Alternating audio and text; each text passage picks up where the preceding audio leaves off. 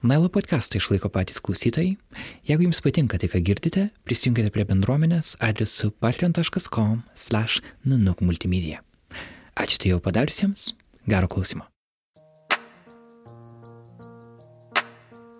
65,5 dienos darbuotojas atidirbo, jam buvo priskaičiuotas 3820 eurų už visą tą laikotarpį, jam išmokėjo už tas 65,5 dienos 600 eurų. Sako, ačiū, viso gero.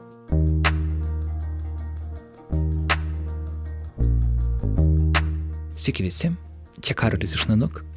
Nailo podcastas vis dar atostogauja, bet per šį laiką norime pasidalinti dviem vertingais diskusijų įrašais. Jas organizavo Nacionalinis žmogaus teisų forumas. Forumas įvyko gruodžio 10-ąją Vilniuje, Martino Mašvito bibliotekoje. Ten dalyvavo daugiau nei 60 su žmogaus teisų tema dirbančių profesionalų. Įspūdingas renginys, kuris šiemet įvyko pirmą kartą, o diskusija, kurią išgirsite šiandien, yra apie prekybą žmonėmis.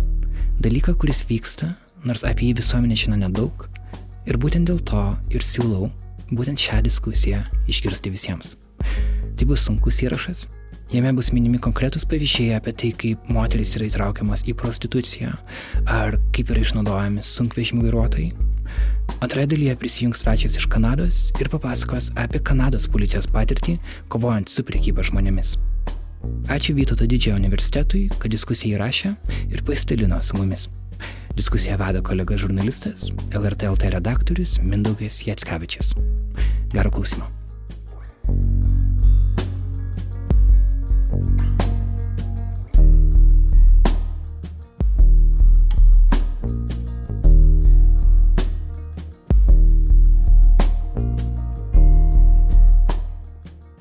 žmonėmis ir modernios vergovės procesai plečiasi sparčiau negu galima įsivaizduoti.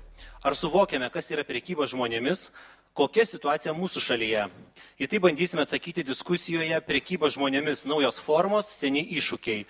Labadiena tiems, kurie atėjote į nacionalinį žmogaus teisų forumą ir domitės modernios vergovės tema. Ir visų pirma, su švente žmogaus teisų diena ir deklaracijos jubiliejumi. Ir šios dienos diskusijoje dalyvauja Audrius Cuzanauskas, Lietuvos profesinių sąjungų alijansas. Kristina Mišinėnė, kovos su priekyba žmonėmis ir išnaudojimu centro vadovė. Šalia jos Karolis Žybas, Vytauto didžiojo universiteto Lietuvo ir Lietuvos socialinių tyrimų centro mokslininkas. Gabija Večerinskinė, Kauno apygardos prokuratūros organizuotų nusikaltimų ir korupcijos skyriaus prokurorė. Ir turime svečią iš tolimosios e, Kanados, tai ponas Dominik Mončamp, Monrealio miesto policijos detektyvas seržantas. Sveiki atvykę. Labai tikiuosi, kad diskusija ne tik bus tarp bendraminčių ir tarptų, kurie dirba šioje srityje, tačiau ir užduosite klausimų salėje, suteiksiu galimybę tai padaryti vėliau diskusijos eigoje, o noriu pradėti diskusiją nuo ponios Kristinos Mišėninės, kuri kasdien susiduria su priekybo žmonėmis, modernios vergovės formomis. Kas Lietuvoje, ponia Kristina, yra pažydžiamiausios grupės ir kokie pavyzdžiai jums skaudžiausi iš kasdienės veiklos? Sveiki. Na, manau, kad sudėtinga taip išskirti visiškai vieną grupę, kuri yra pažeidžiamiausia. E, galbūt lyties pagrindų tai tikrai visada yra moterys, šalia moterų yra vaikai. Nepilnamečiai šiandieną taip pat yra e, taikinys priekeiviams žmonėmis. Na ir net ir žiūrint į mūsų oficialias ar ne visai oficialias statistikas, tai yra vyrai. Vyrų daugėja, pažeidžiamų, išnaudojamų įvairiose priekybos žmonėmis formose ir tai mums tikrai kelia didžiulį rūpestį. Na, galbūt aš pradžioje nesiplėsiu, nes visi turi ką pasakyti, tik aš norėčiau iškart pasakyti, kad, na, priekyba žmonėmis, kaip dažnai mes įsivaizduojam, kad jinai kažkur yra labai toli ir mes mirkstame filmuose, literatūrai apie tai, kaip ten žmonės prirakinti prirakinti grandinėmis prie radiatorių, kaip jie kankinami, kaip aukos puola gelbėtojams ant kaklo ir dėkoja. Tačiau su kuo mes susidurime savo darbe, tai nebūtinai aukos dėkoja savo gelbėtojam, aukos galbūt jos jaučiasi išduotos dar iki to, kol jos pateko į išnaudojimą. Ir šiandieną Lietuvoje turime tokias formas, šalia taip vadinamų tradicinių išnaudojimo formų, kaip išnaudojimas prostitucijai, darbinėje vergovėje, tai yra įtraukimas ir privertimas atlikti nusikaltimus, tai yra fiktyvios išnaudojančios santokos. Tai tokia būtų mano pradžia ir įvadas. Kristina sakėt, kad ne visos aukos kolegos dėkoja toli gražu ir kiek žinau iš jūsų kasdienės veiklos, kad jūs turit įsisiūlyti, kad įtikinti juos, kad jūs jiems galite padėti, nes jie būna praradę viltį ir arba nemano, kad kažkas iš viso gali jais rūpintis, ar taip? Na, čia yra sudėtinga tema ir manau, kad apie tai galima ir atskirą diskusiją daryti, jeigu jau pradėjom kalbėti apie aukas, kaip, kaip nenorinčias ar nemotivuotas priimti pagalbą. Tačiau tai iš išorės toks vaizdas ir yra, kad, na, ir dažnai girdim iš kolegų, iš partnerių, kad kokios čia aukos, jeigu tai būtų tikros aukos, jos prašytų pagalbos, jos bendradarbiautų su teisės saugas, su socialiniam tarnybom, bet galite įsivaizduoti, jeigu štai tu turi 18 metę jaunuolę, kuri prie, jau yra patyrusi išprievartavimą, ji, jinai neturi, nebaigusi mokyklos, jinai tam tik kelias klases klases baigusis, jinai augo smurtinėje aplinkoje, kodėl jinai turėtų pulti ant kaklo savo gelbėtojam. Galbūt ji jau buvo daug kartų išduota, negavusi pagalbos. Tai tas pagalbos procesas, į, kokį, į ką mes norime ją įtraukti, jis jai taip pat yra sudėtingas ir skausmingas ir jo labiau, kad ir ta pagalba mūsų netobula labai yra. Karoli, kreipiuosi į Jūs, dirbat šioje srityje ir iš mano tarptautinė situacija Lietuva kokioj situacijoje yra, kokia, kokia mūsų būklė, jeigu galima tai pavadinti, priekybos žmonėmis e, srityje, nes kiek esu pats ėmęs iš jūsų interviu, tai sakėt, kad yra tikrai gana blogai ir ta tema visiškai apleista ir e, nesulaukia valdžios dėmesio. Ačiū. Labadiena visiems. Tai, taip, visų pirma, aišku, jeigu mes pažiūrėsime į į, į sakykime, teisinę bazę, mes panašu, kad daug ką ten turime. Yra, ir anksčiau būdavo aišku strategijos, dabar mes turime ten tokią dalį veiksmų planą bendrojo saugumo strategijai. E, mes turime darbo grupę, dar yra tokia kaip šventos mortos grupė ir yra, sakykime, tam tikros grupės, kurios yra susikūrusios savivaldos lygmenį, tai, sakykime, tas teisinis, schematinis mechanizmas, jisai panašu, kad yra. Tačiau klausimas, kaip jisai gyvendinamas ir kaip jisai veikia. Tai mano turbūt pirmas iš, sakykime, esminių argumentų yra tai, kad mūsų visa sistema orientuota į sistemą jinai nėra orientuota į auką. Kitaip tariant, apginti auką nuo darbo santykių pažeidimo, audrius apie tai kalbės, kainuoja 3000 eurų. Klausimas, ar na, moteris dirbanti kokiam nors vaikų darželiu, kurios teisės yra pažįstos, jinai turi galimybę pati apsiginti. Ne, neturi.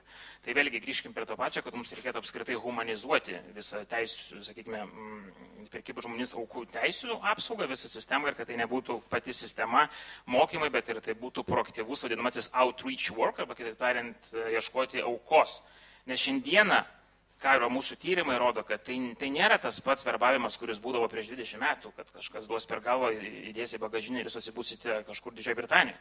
Dabar yra sukūriamas to psichologinis veiksnys tarp verbuotojo ir aukos, kad pati auka, jinai suvokia, kad jinai yra nusikaltimo bendrininkė.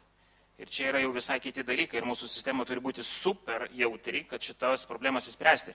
Bet mano argumentas turbūt yra galbūt ne tas. Man atrodo, kalbant apie politinius prioritetus, aš bent ką matau, tai aš matau, kad e, mes kaip valstybė su hiperholistiniu procesu, kaip žmonių priekyba žmonėmis, kovojam super fragmentuotom priemonėm. Tai kitaip tariant, jeigu jūs pažiūrėsite šiandieną į apskritai europinę dimenciją arba ten jungtinių tautų dimenciją, kur yra e, darnaus vystimosi darbo atvarkė, jūs pamatysite bent jau keturis darnaus vystimosi tikus, kurie tiesiogiai fokusuojasi į priekybą žmonėms ir tenais pamatysite yra priekyba vaikais, moteris, lyčių lygiai ir visi kiti dalykai. Tuo tarpu, kada tu nusileidai į nacionalinį lygmenį ir kada tu pamatai, kokia yra institucinė subordinacija, tada tu pamatai, kad e, Užsienio reikalų ministerija turi globalios Lietuvos programą, kurioje trafikingas apskritai neminimas. Kada mes turime Lietuvos darbo biržą, vėlgi prioritetai yra kiti. Tai kitaip tariant, ir migracijos politika, ir, ir sakykime, socialinė politika, jinai turi savo tikslinės grupės. Pabėgėliai, migrantai, darbo migrantai, Lietuvos piliečiai. Ir pagal tai yra institucijos pakankamai subordinuotos. Bet mes turime suvokti, kad neoliberali ekonomika ir darbo rinka kaip išnaudojimas paima visus. Ar tu esi pabėgėlis, ar tu esi darbo migrantas, ar tu Lietuvos pilietis. Tai man atrodo, kad mūsų ta kol kas pakankamai nelanksti institucinė subordinacija iš principo neleidžia humanizuoti šito darbo saukomis ir apskritai atpažinti, kad tai yra priekyba žmonėmis arba pagaliau atpažinti, kur yra grubus darbo teisų pažeidimas ir kur yra ta plonytė linija, kai tu peržengi ir tai tampa jau moderni vergovė, ką mes matėme Lietuvoje su ukrainiečiais ir su nepaliečiais, apie tai galim pakalbėti vėliau. Tai man atrodo, čia yra esminis dalykas ir kol kas mes, sakau, teisinė prasme tikrai turim tą sistemą, bet praktinė prasme mes kol kas tikrai dar ne, jos nesugebam įgyveninti arba, na, turbūt gal net nežinom dėl ko įgyveninti. Ir paskutinis, ką aš dar noriu pasakyti pradžiai, tai taip, mes iki šiol dažniausiai kaip taisyklė kovojam su e, priekybų žmonėmis aukomis, kurios dažniausiai yra Lietuvos piliečiai, Lietuvos gyventojai atvežti iš užsienio. Bet kada šiandieną pas mus prasidėjo darbo imigracija iš trečiųjų šalių ir mes šiandieną turime beveik 50 tūkstančių užsieniečių, kai tai tariant, ukriniečių kaip darbo migrantų, tai mes nežinom, ką reikia daryti. Mes iš principo ne, ne, ne, neturime sistemos, nes visa šita migracijos industrija, kad tu veži žmonės į darbinį Lenkijoje, iš Lenkijos komandiruoji į Lietuvą, yra super kompleksinė, super holistinė ir šitie žmonės, kurie tą daro, jie 15 žingsnių priekį, jeigu ne šviesmečiais. Tuo tarpu mes pakol kas su savo, sakykime, tokiu ignoravimu, aš manyčiau, kad gerokai atsiliekam. Karoli, prieš porą metų jūs dar tokį iliustratyvų pavyzdį pateikėt, sakėt, atvažiavo kartą jungt, pareigūnas iš Junktinės karalystės, kuris toj srity specializuojas, pasižvalgė mūsų oro uostą ir iš karto atpažino iš kūno kalbos, kad žmonės, keletą žmonių pamatė, kurie įtariama kažkur jau vežami, užverbuoti. Taip, tai aš manau, kad tai yra irgi dalis, dalis atpažinimo ir aš labai džiaugiuosi, kad šiandieną jau yra e, daromi apmokymai, daromi apmokymai ir, ir, ir teismams, ir prokurorams, ir policininkams, ir socialiniams darbuotojams, ir, ir Kristinos organizacija tą daro, bet vėlgi mes turime suvokti, kad tai nėra vien tik tai mokymai ir atpažinimas, dar yra tas proaktyvi veikla, kur klausimas yra, kaip mes ieškom aukų, nes jeigu jūs pasižiūrėsite Lietuvoje, mes 12-13 metais Didžioji Britanija buvome tarp 10 šalių, iš kurių į tą šalį patekdavo didžiausias kiekis proporcingai aukų priekybų žmonėmis. Ne, jie tai vadina modernia vergystė, jie turi kitą savoką. Bet jiems tai buvo prioritetas mūsų aukos. Mums mūsų aukos nebuvo prioritetas. Tai man atrodo, čia irgi klausimas yra, kaip, kaip, kam tie mokymai skirti ir kaip tas atpažinimas bus naudojamas toliau. Padėti aukai e, spręsti migracijos industrijos problemas ir visą kitą. Su ponu Suzanausku prieš profsąjungo atstovų prieš pat e, diskusiją pasišnekėjau ir tiesą pasakius pasidarė nelabai gera, nes jis tiek pripasakojo baisybių, tai noriu, kad ir jums dar papasakotų tų baisybių, gal nevadinkim to baisybėm, bet problemos konkrečios, konkrečios žmonių istorijos ir jūs matot kasdien. Jūs dirbat iš logistikos sektorio atstovaujat. Ir ne tik, bet pradėkim galbūt nuo tai, kas vyksta logistikoje. Sakėt, ukrainiečiai ir ne tik atvažiuoja dirbti čia logistikos sferoje ir kas jiems čia atsitinka, kokios schemos, kur papuola. Labadiena visiems. Taip, jeigu pradėt uh, pasakoti ir kalbėti apie tą realybę, su kuria iš tikrųjų susidurėm nuolat, tai tikrai, kaip ir Karolis paminėjo, tai šiemet pas mus jau yra 50 tūkstančių uh, darbo migrantų Čia oficialūs skaičiai, kurie, tarkim, tie darbo migrantai, kurie važiavo per mūsų sieną legaliai kirto. E, kitas dalykas yra, kada ar tie patys ukrainiečiai, ar baltarusai, ar rusai įvažiuoja per Lenkijos sieną, tai pavadinkim sieną. Vat, ir čia esminis yra skaičius, kuris yra niekam nežinomas oficialiai, kur negalima pasakyti, kiek tiksliai žmonių yra važiavę ir koks tas yra nelegalaus darbo, sakykime, kiekis. Nes yra vienas iš tokių, sakykime, schemų, kai vieną darbuotoją įdarbina ir jam vienam sumoka, o jisai su kitais penkiais nelegalais tiesiog po to tą darbo atlyginimą pasidalina. Kalbant apie logistikos ir statybų sektorių, tai gal daugiau apie logistikos pradedant, tai yra tai, kad praktiškai oficialiai nėra mokama pagal Lietuvos darbo įstatymą. Kadangi turim Lietuvos Lenkijos pasienyje informacinį centrą, tai prie bet kurio tolimųjų reisų vairuotojo prieėjus aš galiu iškart identifikuoti, ta prasme, tu išsitrauki ir paklausi pagal kokį būdą tau yra mokama.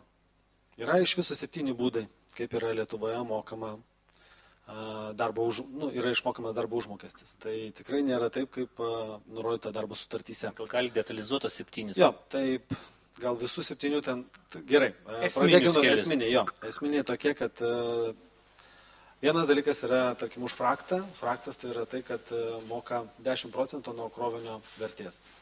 Mokama už dieną, nepriklausomai kiek ten važiuoji, kiek tu ten yra schemos, kaip ištraukinėja tas korteles, kaip e, neparodo kompiuteriai, kiek yra polisio ir taip toliau. Mokama dalis procentaliai už pakrovimą, dalis dienpinigiais. Po to ten įvairių, ta prasme, iš tikrųjų, ten istorija yra pilna ir visa tai yra paduodama į darbo ginčių komisijas. Tačiau irgi nemaža dalis e, darbo ginčių komisija atmeta tų žmonių, tarkim, prašymus, nes jie praktiškai niekas iš jų neturi pilnų a, dokumentų. Jiem yra tiesiog nepateikinėjama. A, ką ką tik buvo minėta, minėjau per radio laidoje, kad a, vienas įspūdingų dalykų ir tai, ko, sakykime, mūsų valstybė jau senai nemato, arba nenori matyti, nežinau kaip, a, visas praktiškai transporto sektorius išeina neapmokamų atostogų. Tiesiog. Tai didžioji dalis, e, kaip sakyti, jeigu įmant apie tos pačius darbo migrantus, tai čia iš vis visi. Tai kas tai yra? Tai yra Lietuvos patriotai, taip susižavėję ir... Taip, Kuriam laikui jie išeina? Tiek kiek, tiek, kiek nurodo darbdavys. Tam laikui ir jie išeina. A, kitas dalykas, kada daug, tu klausė, tarkim, apie išmokas kiek reikia išmokėti, viskas yra surašoma lietuvių kalba, nieko, jokio vertimo nėra. Jeigu yra išskaitos, tarkim, ar tai, tarkim, uh, už sunkvežimis, kada kalnuose suvartoja daugiau kūro ir tai yra darbuotojo problema, o ne darbdavio, tai iš to irgi yra išskaita. Jeigu uh, darbuotojas neteisingai uh, priparkuoja automobilį įmonės teritorijoje, tai darbdavys jiems skiria 72 eurų baudą kokiu pagrindu, jokio pagrindo nėra. Pas juos iš vis nėra jokių juridinių pagrindų. Turime, kada jie ateina ir mes esame matę ne vieną filmuotą medžiagą, kurį padaro patys darbuotojai. Prie jų ateina jų vadybininkas, baltas popierio lapas, pieštukas. Ir ta moteris, dažniausiai būna moteris, tiesiog rašo pieštuku ir rašo, koksai yra, tarkim, tavo darbo laikas dienomis a, kokie yra tavo pažeidimai ir kokios yra išskaitos. Nei vieno žodžio, jį tiesiog, kaip sakant, supažindinama ir moteris su tuo lapu ir išeina. Kai kurie, kaip sakant, sugeba nufotografuoti, jeigu yra galimybės, bet dažniausiai tų galimybių nėra. Jie tiesiog ateina ir pasakoja. Tarkim, pas mus vienas iš tų pagrindinių atvejų, kai buvo, kai nufotografavo, tai yra 65,5 dienos darbuotojas atidirbo, jam buvo priskaičiuotas 3820 eurų už visą tą laikotarpį. Kaip moteris jai, jam uh, surašė, kiek jis yra skolingas už viską, jam išmokėjo už tas 65,5 dienos 600 eurų. Sako, ačiū, viso gero. Viskas. Ir jų yra. Ką jam paaiškinau? Begalius kodėl ta suma ištirpo tris kartus turbūt. E, kūro. Oi, penkis turbūt reikia dar daugiau. Kūro suvartojimas per didelis. Vienoje vietoje kažkur tai nubražyta fūra viduje, kažkur tai sako, bet tai nebuvo jau nubražyta iki to, kol aš tą automobilį perėmiau. Nebesvarbu. Kitoje vietoje tu uh, viršiai greitį. Uh, trečioje vietoje ten kažkoks kelių mokestis. Kodėl už kelius turi mokėti darbuotojas, čia irgi neaišku. Uh, Ir tas parkavimasis buvo neteisingas, dokumentų tvarkymas, įmonės telefono apmokėjimas ir dar visi kiti dalykai. Tarme, ir tu tą matai, visą sąrašą ir tu puikiai supranti, kaip yra šaunu. Aš tik pasitikslinsiu, čia kalbam apie užsieniečius Lietuvoje dirbančius daugiausia. Ne, ne, ne, ne, ne. Čia ir lietuviai tas pats variantas ir e, tas dalykas yra tai, kad kaip, ar tu įimi darbo migrantus, tai be abejo, tai yra tas momentas, kada žmogus iš tikrųjų pagrindinė ir esminė dalis tai yra kalbos barjeras. Faktas. Kitas dalykas yra, kalbant apie tuos pačius e, Lietuvos piliečius. Jie eina žmonės dirbti. Jie sudera tas uh, sąlygas, bet po to, kada ateina ir, kaip sakant, mes susidarėm vieną, bet iš po to iš tavęs išskaičiuoja. Ir jie tik tada ateina, kreipiasi, tarkim, į tą pačią profesinę sąjungą, kur tu jau nebegali apsiginti. Nes jeigu tu eini, tarkim, pas tą patį teisininką, tai tu žinai, kad prasideda įkainiai nuo 50 eurų už valandą. Tai darbuotojas be abejo neturi tokių arba turi, arba negali sauliaisti, tarkim, tokių pačių užmokesčių, nes be abejo yra šeima, paskolos ir taip toliau panašiai. Vat ir daug yra be galo daug tokių variantų. Ir dabar ypač yra daug variantų, kada yra žmonės susižydžia darbo vietoje, kada jie skambina klausia dėl draudimų. Kitas dalykas, apie kurį praktiškai iš vis niekas nešneka, apie tą patį išnaudojimą ir kaip e, Karolis nekartą buvo minėjęs, apie tą modernėją vergystę. Man nekartą darbdaviai buvo pasakę, kad tai yra nepopuliaru taip kalbėti. jo, profsąjunga iš vis nepopuliaru nieko kalbėti. Va, tai dalykas yra tai, kad e, mes nekalbame apie tai, kaip jie miršta darbo vietoje Kada yra tokių pavyzdžių? Yra pilna tokių pavyzdžių. Kada ir pas tą pačią darbo inspekciją, kada klausiau, kiek yra, tai vienas dalykas, tai kad buvo parodyta, kad e, nuo 12 metų iki dabar yra užfiksuota apie 120 mirčių darbo vietoje, bet kai pradėjau tiesiogiai teirautis, tarkim, dėl tų pačių darbo migrantų, tai buvo pasakyta, kad e,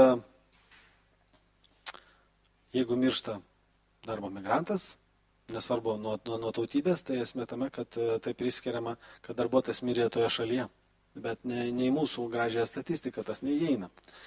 Priskiria, bet, kad užsienį mirė dėl to, kad jis užsienietis? Dėl to jo, jeigu tai yra ukrainietis, tai tipo prie Ukrainai. Ukrainai, Baltarusai, Baltarusai. Vat. Ir kitas dalykas yra, kiek žmonių kreipiasi artimųjų giminių, kad e, padėti jiem, tarkim, susigražinti palaikus. Kita vienas iš tokių baisiausių turbūt dalykų buvo, kada žmona grįžo, e, grįžo atvažiavo čia nais į Lietuvą pasiimti kūną e, ir kreipėsi į įmonę paklau, paprašyti, tarkim, to uždirbto mm, užmokesčio vyro, nes ten jisai buvo iš Lugansko srities, jau tam buvo namas subombarduotas ir jisai atvažiavo į Lietuvą uh, užsidirbti pinigų, kad galėtų atstatyti savo namą. Va, tai žmogus per nepilnus 3 mėnesius numetė 20 kg darbo vietoje ir ten be abejo jis susmuko, grįžęs jau į Lietuvą ir susmuko, nuvežė jį į ligoninę, padarė operaciją, bet po mėnesio komos jisai taip ir neišėjo, jis mirė darbo vietą, nu ne darbo vietą, bet dabar ne Lietuvoje. Vat, ir žmonai atvykus į Lietuvą atsimti tiek palaikų, tiek, tarkim, uždirbti to, to pačio darbo užmokesčio, jie buvo labai gražia forma pasakyta, kad jeigu tu čia šakosies ir dar kažko tai reikalausi, tu šitą kūną temsi savo ant kupros. Tai va, tai dalykas. Ir nieko negavo. Jinai nieko pagal dėją negavo, jinai gavo tik tai tai, ką pasakė, kad e, draudimo kompanijai bus apmokėta, kad tavo, palai, kad tavo vyro palaikai būtų nu, sugražinti į tavo šalį. Tik tiek. Tai va, tai dabar kaip tolimesnė, aš ten nelabai ne, ne gilinausi tolimesnė, kokie yra tenais tos pačios moters veiksmai, bet jinai bent jau, kaip sakant, nusivežė savo vyrą palaidoti pas savo šalyje. Vat, ir yra be galo dar, dar ištisos istorijos, čia galima pasakoti ir pasakoti. Pirmia, jeigu kalbant apie tuos pačius darbo migrantus arba kalbant apie Lietuvos piliečius, nes e, didžioji dalis pagal dėją jų nesugeba susigražinti savo uždirbto darbo atlyginimo, dėl to, kad jie negauna jokių, jokių tarkim, kaip pas mus pagal darbo įstatymą priklauso, kad būtų, sakykime, atlyginimo priskaitimo lapelį. Jie nieko šito negauna. Jeigu pas juos kažkokios tai yra išskaitos, jokio įsakymo nėra. Jeigu tai yra komandiruotė, jokio komandiruotės įsakymo nėra. Yra fantastiniai e, pavyzdžiai, aš nekartą jau esu rodęs, juos turbūt jie vis atsinaujina, kai yra, pavyzdžiui, parašytas e, įmonės vadovo e, įsakymas, e, komandiruoja tave į ES ir į trečias pasaulio šalis. Ta prasme, kad pas tave yra komandiruotė į pasaulį. Tiesiog be datos, be nieko, ant firminio blanko, Viskas Bet formaliai jie dirba legaliai. Be abejo, jie dirba legaliai. Jeigu atvyktų darbo legaliai. inspekcija, jie nieko ir, galima sakyti, nerastų. Pas juos viskas kaip ir atrodo gražiai, bet kada tu atskirą atvejį kiekvieną darbuotoją pasiemi, tau, čia sakau, čia nereikia nieko išsigalvoti. Galima nuvažiuoti į bet kurią parkavimuose aikštelę ir tu gali tiesiog ateiti pa žmogų ir paklausti, o kaip. Ir jie, kadangi yra iš tikrųjų vienišiai, galim tai pasakyti, nes kartais, kaip jie išvažiuoja ten ratais, tai 10 dienų, vienas esi toj būdoj, kitas dalykas, kada tu būni po du mėnesius, kai sutarė. Vienas beje iš paskutinių atvejų buvo, kai a, irgi ukrainietis a, sutarė su darbdaviu, kad a, važiuos kadencijom, tai vadinamas, tarkim, du mėnesius išvažiuoji, du mėnesius atidirbi ir tave gražina. Tai tą vargšą žmogelį a, išlaikė toj būdoj penkis mėnesius. Kokioj būdoj? Nu, ta prasme, turiu meni, kad uh, sunkvežimė. Tai va. Ir uh, ko ten tik nebuvo daroma. Ta prasme, žmona kreipėsi į mūsų darbo inspekciją. Jie bandė nutraukti darbo sutartį, kad tą žmogų gražintų. O kaip tik tai jisai susisiekdavo su savo darbdaviu, jam buvo pasakoma, tu pabandyk tik tai iš šitos mašinos pasitraukti. Tu iš vis nei vieno cento negausi. Penkis mėnesius, kaip galima vadinti, nesvarbu, koks ten tas automobilis bebūtų žmonės. Nu, iš tikrųjų, galima suvokti, kad tai nėra nei garso izolacija, tai nėra Čia nėra Royce'as, iš esmės. tai nėra šilumos ar karščio izolacija. Tu kiekvieną kartą važiuoji, tu kiekvieną kartą turi būti ant tiek akilus. Vienas dalykas, kad tu turi žiūrėti, kaip ten vairuoji ir kelyje visą laiką, kaip sakant, yra įtampa. Kitas dalykas, kada tu mėgi, jie mėga su šiek tiek pravertų langų tam, kad klausyti, ar jų neapvaginėja. Vienas dalykas, kada iš jų ten pradeda išsirbinėti kūrą, kitas dalykas, kada bando išlaužti e, prasme, ir pagrobti tą patį krovinį. Kada jūs gal mieste ar bet kur važiuodami autostradu galite matyti uh, tas, vadinkim, fūras, ne?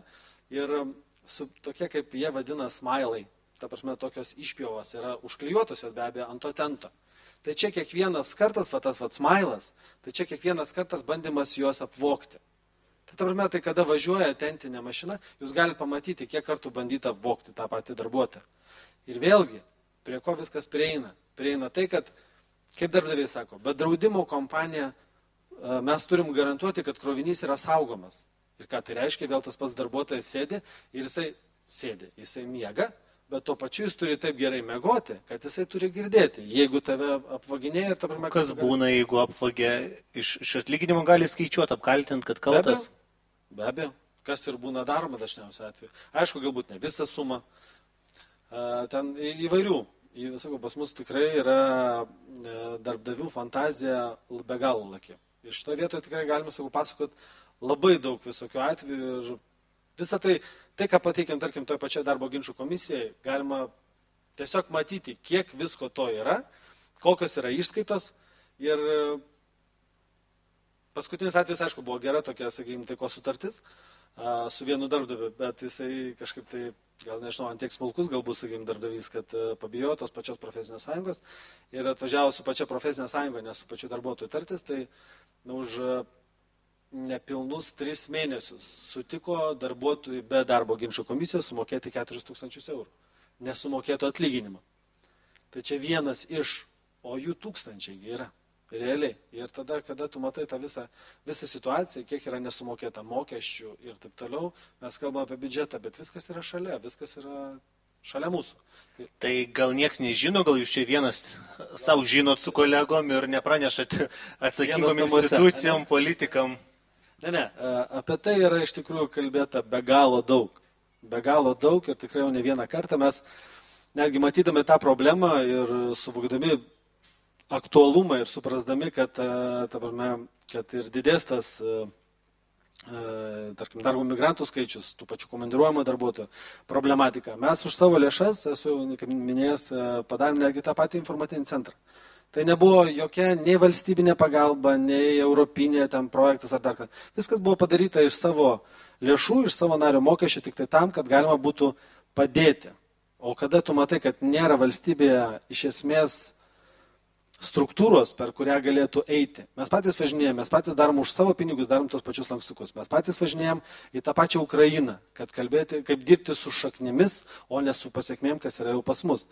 Mes važinėjom ir e, per ambasadas, kur paliekam tos pačius lankstukus, kad kažkaip tai ugdyti ir didinti tą savimonę žmonių, kad jeigu pasta, tu tiesiog pasink tą lankstuką, jisai, kaip sakant, tau kišenės nesuplėšys, bet tu bent jau turėsi telefoną, kur galėtum kreiptis.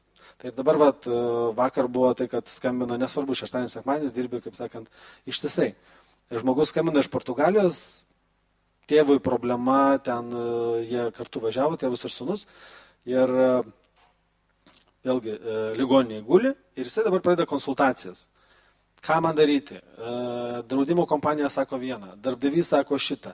Ir tu turi susižinoti, pateikti jam tą informaciją. Ir tiek už tą pačią sodrą, tiek už ligonių kasas, nes niekas iš jų, nors tai 50 tūkstančių pas mus yra darbo migrantų ir jie, prašai, didžioji dalis yra rusakalbiai, vat, niekas ne, iš valstybės nėra tos pačios informacijos, kurie galėtų bent jau susižinoti. Ir jeigu, kaip sakant, jeigu tu jau esi pažeidžiamam sluoksnėje, kad tu galėtum bent jau ateiti ir paprašyti tos pačios pagalbos. Tai to irgi nėra. Gerai, valio, džiaugiuosi už valstybinę darbo inspekciją, kad pradėjo daryti ir įdėjo tą pačią informaciją tiek rusų, tiek ukrainiečių kalba. Tačiau tugi turi žinoti, kur ta, koks yra valstybinės darbo inspekcijos puslapis. Tai yra vdi.lt. Iš kur jie galite žinoti? Tu turi susirasti tą puslapį, tu turi susirasti ir perskaityti, kur ten yra informacija ukrainiečių kalba arba rusų kalba. Tai yra vėlgi barjerai, prie kurio pradžia kaip yra, bet barjerai tai nepašalinti. Ačiū Jums, matau, kad turit labai labai daug pavyzdžių ir galbėsim dar vėliau pakalbėti. Į ponę Večerinskinę prokurorę norėjau kreiptis. Girdėjot ne vieną atvejį, ką profsąjungos vardė. Iš to, ką girdit, kieno tai kompetencija čia darbo inspekcija, ar galėtų ir kada dar prokurorai įsikišti? Labadiena visiems. E, iš tiesų, tą, ką girdėjau, na, didelė dalis situacijų, taip sakykime, iš pirmo žvilgsnio tikrai labai panašu yra į darbo santykius, į, į netinkamus darbo santykius, turbūt pažydžiant įstatymus tam tikrus. E, labai sutikčiau su pašnekovo Karolio taip pat pozicija, labai gerai buvo pasakyta, kad yra labai plonytė linija tarp darbo santykių ir baudžiamojo proceso na, šiuo atveju baudžiamasis procesas, na, tai yra ta kraštutinė priemonė, kuri jau kovoja su na, pažeidimais teisės. Ir šiuo atveju tos situacijos, kurios nuskamba, jos iš tiesų yra labiau panašios į darbo santykių sferą patekimą. Tai yra būtent darbo inspekcijos reikalai, darbo ginčių komisijos, nelaikų išmokėtas atlyginimas, mažesnis išmokėtas atlyginimas, e, galbūt nelegalus darbas, tada kalbam apie administracinę atsakomybę. Tačiau e, kaip iki teisminis tyrimas, kaip būdžiamasis procesas, tai yra jau šiek tiek kitos aplinkybės, kadangi šitas nusikaltimas tai yra išnaudojimas priverstiniam darbui jisai patenka į skyrių žmogaus laisvėje, tai yra nusikaltimai. Ir atsižvelgiant į tai, e, tas nusikaltimas, na, iš esmės yra taip sukonstruotas, kad tai yra pažeidimas žmogaus laisvėje. Na, nebūtinai apie fizinę laisvę kalba eina, kalba gali būti ir apie žmogaus valios laisvę, pasirinkti kažkokį vieną ar kitą veikimo būdą. Tačiau iš tų situacijų, kas buvo pasakota, man iš tiesų labiau panašu į būtent darbo santykius ir darbo įstatymų uh, pažeidimus. Ypatingai, jeigu kalba eina apie na, Lietuvos piliečius Lietuvoje, na, išnaudojamus gal, sakykim taip. Kadangi, na, jų pažeidžiamumą reikėtų įrodinėti procese, kad jie iš tiesų buvo priklausomi, pažeidžiami, galbūt apgauti ir tik tokiu atveju galėtumėm galvoti apie būtent e, baudžiamąjį persekiojimą na, išnaudotojų ar tų žmonių, kurie, kurie įdarbino šitą žmogų. Paprastai tai yra e, su žmonėms atsitinka, e, kurie nelegaliai dirba, tai yra, kai neturi absoliučiai jokių darbo santykių su darbdaviu. O kalbant apie priekybą žmonėmis ir išnaudojimą, su kokiais atvejais dažniausiai teisės sauga Lietuvoje susiduria? Kokias rūšis stebite? E, jeigu kalbėti išnaudojimo tikslus, kuriam kadangi jų yra visa eilė ir tas sąrašas nėra baigtinis išnaudojimo tikslų, tai e, dabar populiariausi išnaudojimo tikslai tai yra prostitucijai ir nusikalstamų veikų vykdymui. E, tuo tarpu anksčiau būdavo iš esmės tik tai seksualinio pobūdžio išnaudojimui, dabar nusikalstamų veikų vykdymui bent jau už 2017 metus e, didžiausias skaičius yra žmonių išnaudojimo nusikalstamų veikų vykdymui. Pavyzdžiui, jeigu išveža vagiliauti į kokią užsienio valstybę. Būtent taip, būtent tokie atvejai sudaro didžiąją dalį atliekamų iki teisminių tyrimų, tačiau čia taip pat yra tam tikra problema atskirimo tarp aukos, tai yra žmogaus privertimo važiuoti į užsienį daryti vagystės ir elementaraus e, bendrininko nusikaltimo. Tai taip pat yra pakankamai plona linija atriboti, ar tas asmuo na, savo norų tikrai visiškai laisvanoriškai važiavo daryti nusikaltimų, ar tam tikrų aplinkybių priverstas. Tuo tarpu, kalbant apie priverstinį darbą, na, tokių iki teisminių tyrimų yra itin mažai. Ir jeigu neklistu, pernai turbūt buvo vienas ar du tyrimai, šiemet, kaip pasižiūrėjau, taip pat yra šiuo metu bent jau du iki teisminiai tyrimai, tačiau negaliu pasakyti, kad tai kalba eina apie statybas, ukrainiečius ar, ar tokiam kontekste yra šios bylos, kadangi tai yra iki teisminiai tyrimai ne mano kontroliuojami. Tai čia turbūt dėl to, kaip sakėt, kad čia darbo labiau santykiai ir iki jūsų tiesiog neteina. E, Pradėkime nuo to, kad iš tiesų per šiuos metus turbūt e, neteko gauti net informacijos, nu paprastai iki teisminiai tyrimai yra pradedami dėl gavus tam tikrą informaciją. Iš nevyriausybinių organizacijų, iš ambasadų, iš na, šiuo atveju galėtų tai būti darbo inspekcija, e, galbūt, kurie praneša apie galimą nusikalstamą veiką. Ir paskui teisės sauga aiškinasi, vis tik ta nusikalstama veika buvo padaryta ar nebuvo. Tuo tarpu netgi tokių pranešimų dėl išnaudojimo priverstiniam darbui, na, iš esmės nebuvau gavusi šiais metais. Ačiū Jums, norėjau kreiptis dabar į svečią iš Kanados ir paklausti, uh, kokia Kanados patirtis kovojant su priekyba žmonėmis ir galbūt klausydamasis Lietuvos situacijos atpažinot kai kurias bendras problemas, kurios tiek Kanadoje egzistuoja, tiek Lietuvoje.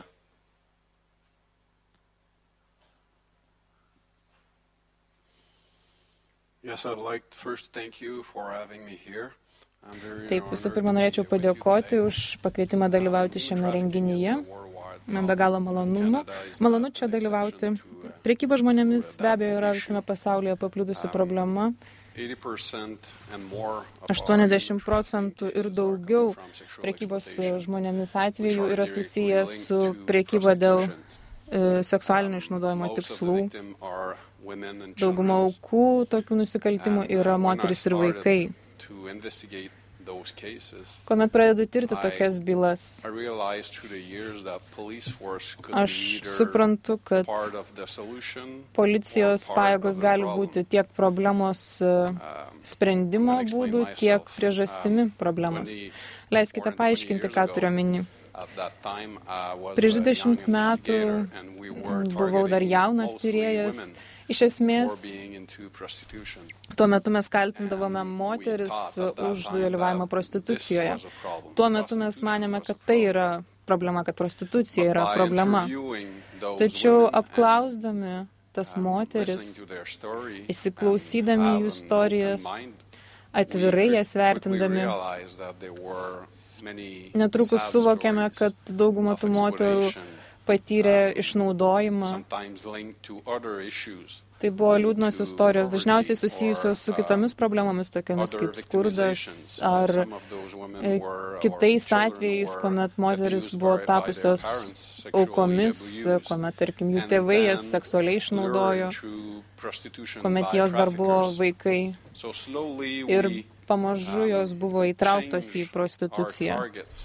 Taigi, Netrukus ir mes sugebėjome pakeisti savo darbo tikslus ir e, bausti nebe moteris e, dalyvaujančias prostitucijoje, o tuos, kurie jas įtraukia į prostituciją. Ir pradėjome suvokti, kokia yra problema Kanadoje. Metai iš metų vykdami tas operacijas mes e, supratome, kad yra moterų, kurios iš esmės yra įtraukiamos arba įviliojamos į prostitucijos pinklės. Na, didžioji dalis jų yra priverstos atiduoti visus uždirbtus pinigus.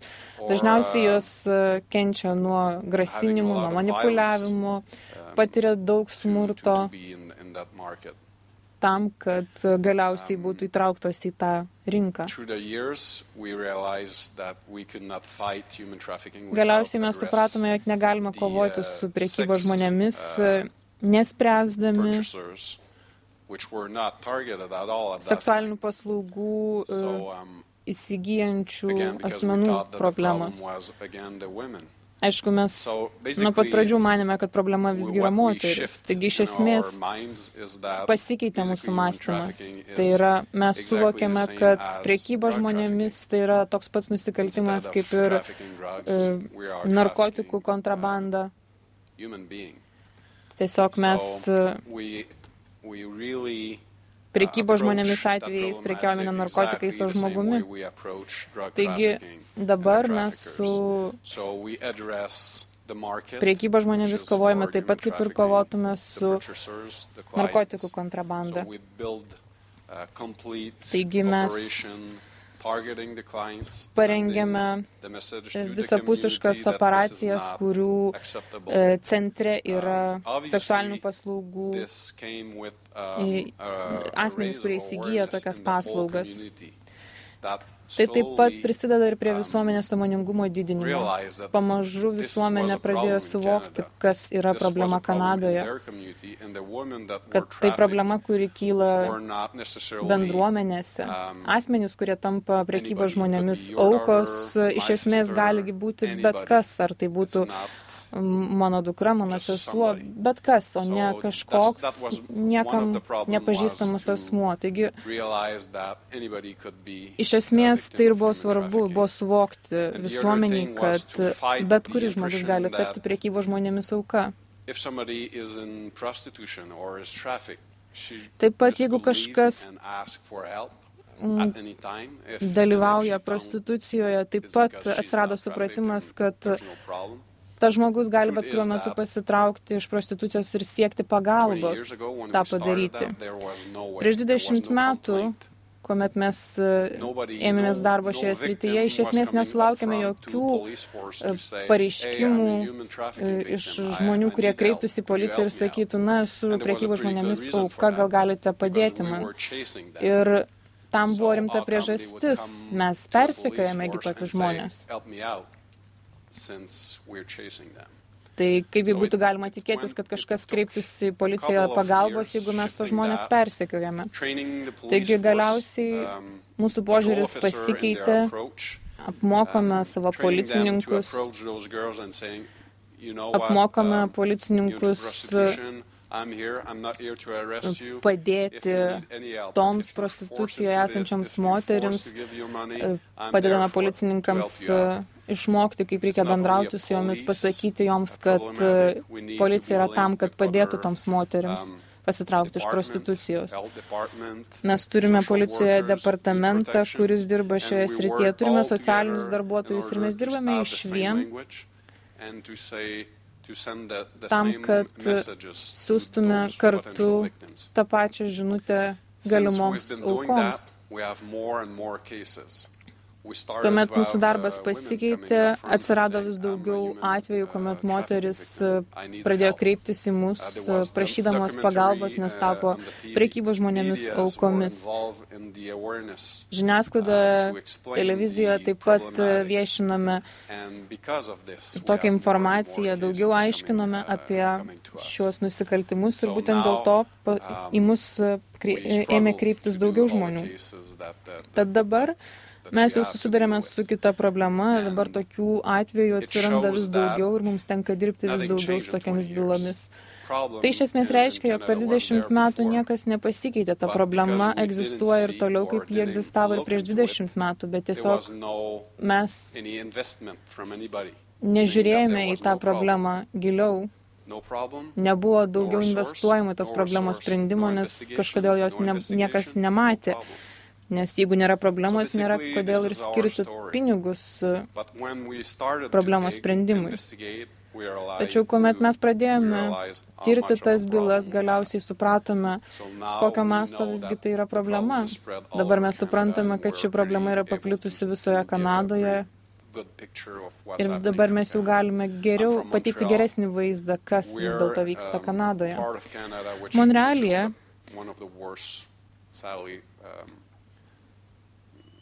place uh, in order for human trafficking because our traffickers are traveling all around Canada and they're moving uh, women and young women through Canada in order to sell them.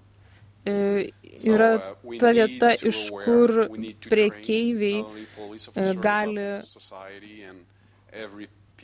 pasimti tas aukas ir išsivežti jas į bet kurią kitą Kanados vietą. Um, Tad mums dabar reikalinga visuomenės parama, kad būtų tinkamai atpažįstami priekeiviai, galimi priekeiviai arba galimos aukos. Dauguma prekybo žmonėmis aukos, na, jie, jos ir, ir pačios gali uždirbti pinigus prekeiviui, tačiau kuomet aš einu dėstyti būsimiems policininkams, Aš visuomet jiems sakau, kad jeigu mane įtrauktų į prostituciją priverstinai, jeigu, tarkim, remtų man ginklą ar mane išprievartautų, aš nereaguočiau taip, kaip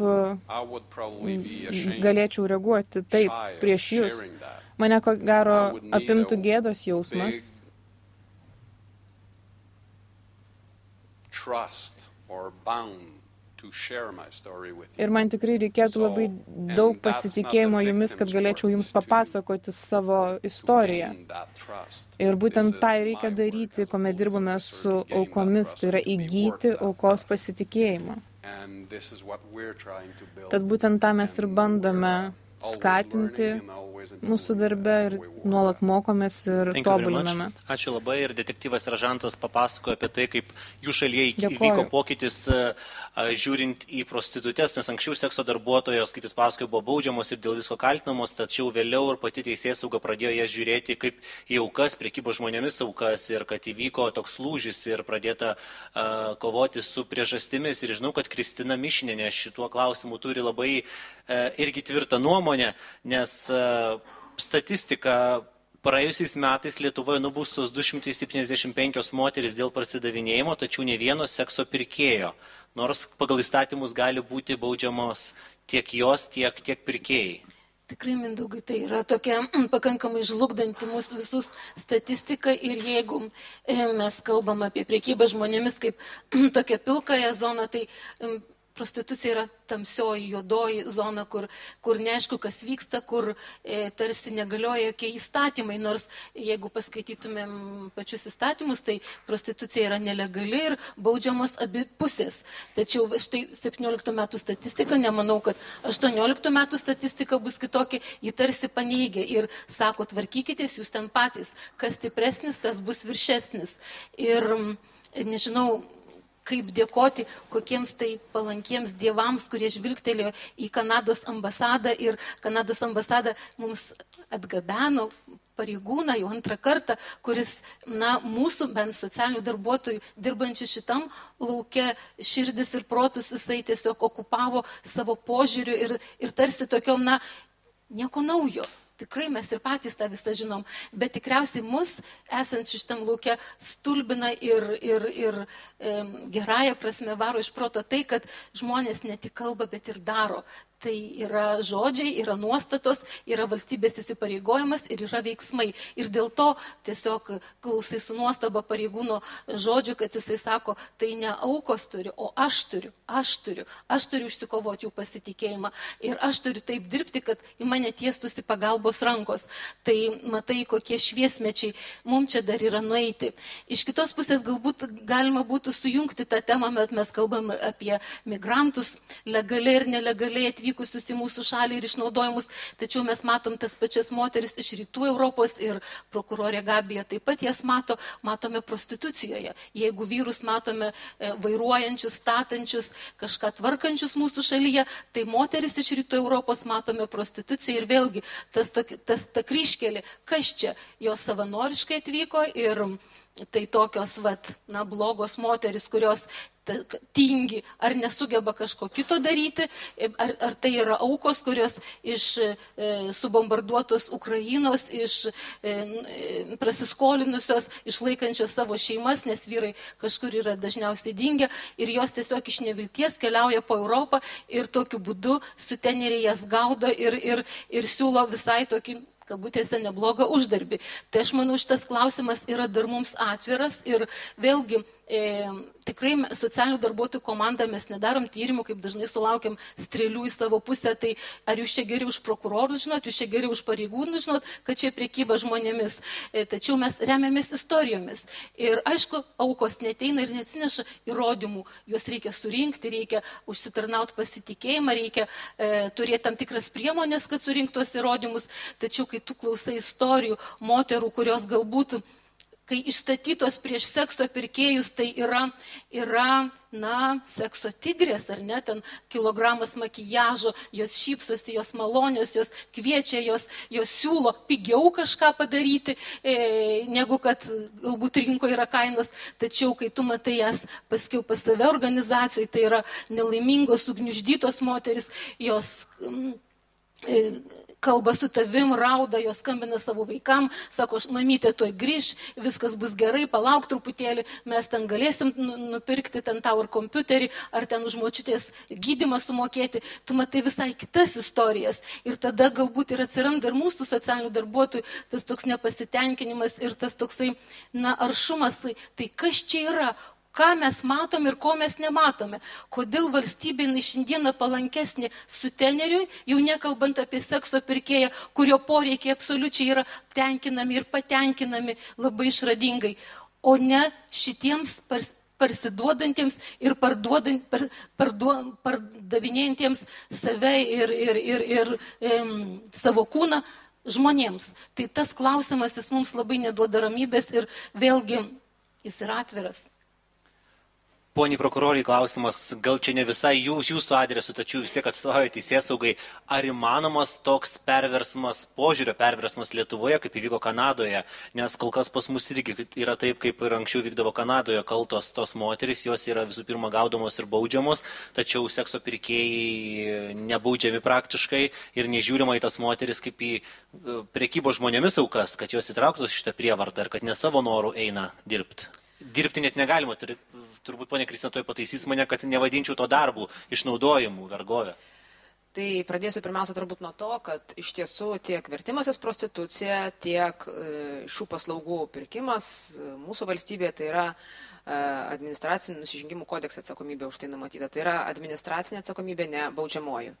E, atitinkamai, na, Kristina paminėjo tokius skaičius, aš dėja jais nedisponuoju, bet matomai taip yra, Kristina tikrai pasidomėjus to klausimu. E, atitinkamai e, merginų baudimas tai yra taip pat policijos funkcija tiek, kiek ir klientų būtų. Tačiau atsižvelgiant į tai, kad na, nubaudimas tiek baudžiamajam prasme, tiek administracinių nusižengimų kodekso prasme, e, jisai bet kokiu atveju reikalauja surinkti duomenis apie padarytą teisės pažeidimą vienokį ar kitokį. E, tuo tarpu, baudžiant merginas, žinoma, policijai yra na, daug lengviau tos duomenis surinkti, negu taip, kad nubausti klientą. Ir šioje dalyje, na, administracinėje e, teisenoje negalimos daug, kurios, daug kurių priemonių taikymas, taip kaip galima baudžiamajame procese, kadangi jos neturi būti proporcingos dar daromam pažeidimui. Tai jeigu mes kalbam apie tai, kad yra daromas administracinis e, nusižengimas, daug kokių priemonių iš baudžiamo proceso mes negalime taikyti. Mes negalim taikyti nusikalstamos veikos imitavimo modelio, negalim taikyti kažkokių tai slaptų veiksmų, e, kurie labai apriboja policijos galimybės na, surinkti duomenis apie daromą, na, šiuo atveju, pažeidimą. Tai aš manau, kad priežastis na, klientų nenubaudimo turbūt arba labai mažos skaičiaus nubaudimo yra tame slypi, duomenų surinkimo pakankamume. Tuo tarpu, kalbant apie baudžiamąjį procesą, na iš tiesų baudžiamo kodekso straipsnis yra, tai yra pelnimasis iš kito asmens prostitucijos. Už tai yra numatyta baudžiamoji atsakomybė.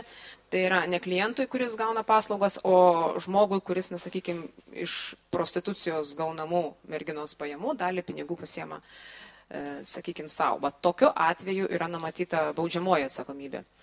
Ir norėčiau pabrėžti tai, kad iš tiesų tais atvejais, kada mes tyriame vat, būtent šitą nusikaltimą, pelnimas iš kitos mens prostitucijos, na, e, niekada iki teisminiuose tyrimuose nesėima priemonių nubausti merginą teikiančią tokias paslaugas. Ir iš tiesų tos merginos, kurios, na, duoda parodymus apie e, tai, kaip, kas pelnosi iš jų prostitucijos ar savadauja jų prostitucijai, na, jos iš esmės esmės e, niekada nėra baudžiamos už administracinį nusižengimą tokį kaip prostitucijos paslaugų teikimą. Tai, na, toks institutas tarsi ir yra na, numatytas, mes taip pat jų nebaudžiame, tačiau, žinoma, tais atvejais, kada yra, e, na, merginos teikia paslaugas pagal skelbimus pačios ir policija tokiu atveju baudžia už administracinius nusižengimus, kadangi, na, tokia nuobauda yra numatyta ir policija vykdydamos savo funkcijas, jinai negali interpretuoti kitaip administracinio nusižengimo kodekso, kaip tik tai taip. Aš gal dar labai greitai pavyzdį, va čia Udriusų pavyzdys labai trumputį, kuris man niekaip neišeina iš galvos. E, taip, iš tikrųjų, moteris, kurios bendradarbiausi teisės saugais tarsi nebaudžiamas, bet štai centriniai Lietuvoje, Šiaulių regione turim atvejai, kai į mus kreipiasi moteris, kuri yra persekiojama labai įkyraus, bjauraus sekso pirkėjo, jisai vis nori dar ir dar susitikimų ir jis ten ją terrorizuoja ir jo šeimą ir ji ateina į komisariatą, kur išgirsta iš būdėtojo tokį atsakymą. Gerai, tu gali palikti pareiškimą apie tai, bet tu būsi taip pat nubausta už seksualinių paslaugų teikimą. Rinkis. Aišku, moteris trinkteli durim ir išbėga. Tai aš galvoju, kad čia yra, na, nežinau, taip, pareigūnai privalo laikytis tam tikrų momentų, tačiau mes sukamės tam pačiam rate ir turime nulį nubaustų sekso pirkėjų. Dar klausimas detektyvui Sražantui, kas grėsia už sekso paslaugų pirkimą Kanadoje, kokios bausmės?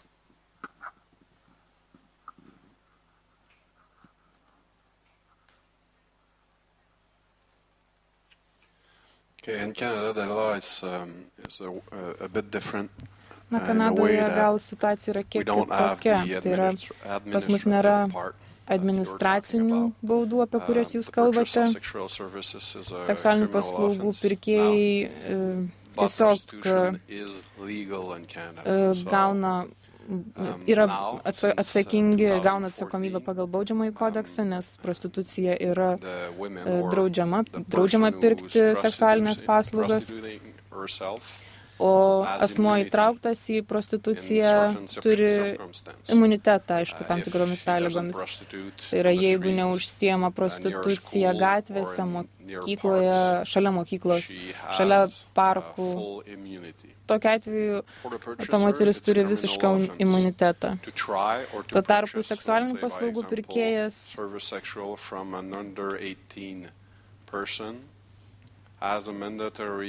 gali būti baudžiamas už seksualinių e, paslaugų įsigijimą iki šešių mėnesių uh, įkalinimo bausmę gali gauti. Jeigu nusikaltimas yra pakartojamas, bauda didėja iki vienerių metų. Tokia bauda yra taikoma už seksualinių paslaugų įsigijimą iš nepilnamečio. Jeigu bauda yra, jeigu nusikaltimas daromas prieš suaugusį žmogų, tai yra vyresnį negu 18 metų, tokiu atveju gaunama finansinė bauda. Bet kokiu atveju įsigijimas seksualinių paslaugų yra nelegalus. Um, Prekeivis tiesa taip pat uh, yra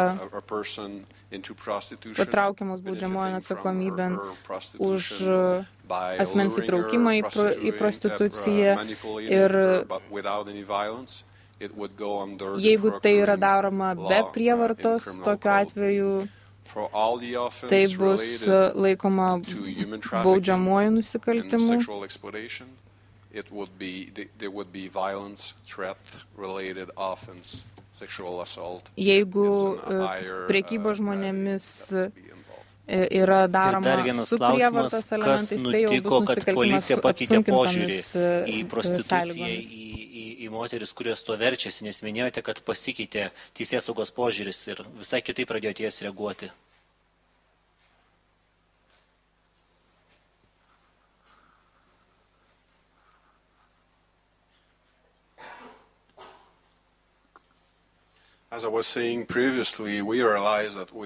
Kaip jau minėjau anksčiau, mes suvokėme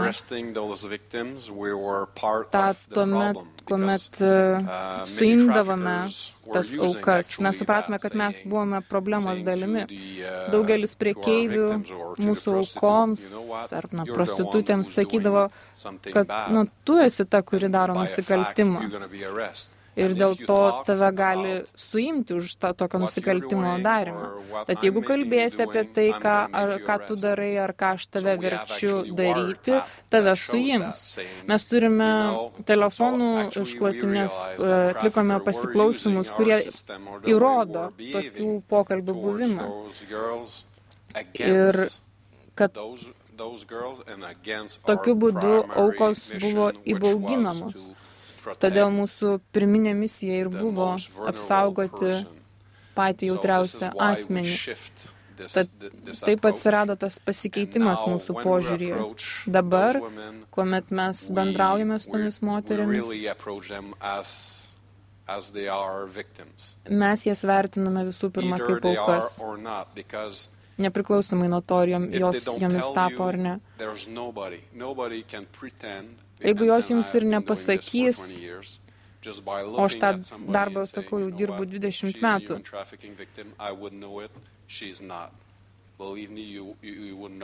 jūs tikrai nesugebėtumėte iš karto suprasti, ar žmogus yra prekybo žmonėmis auka ar ne.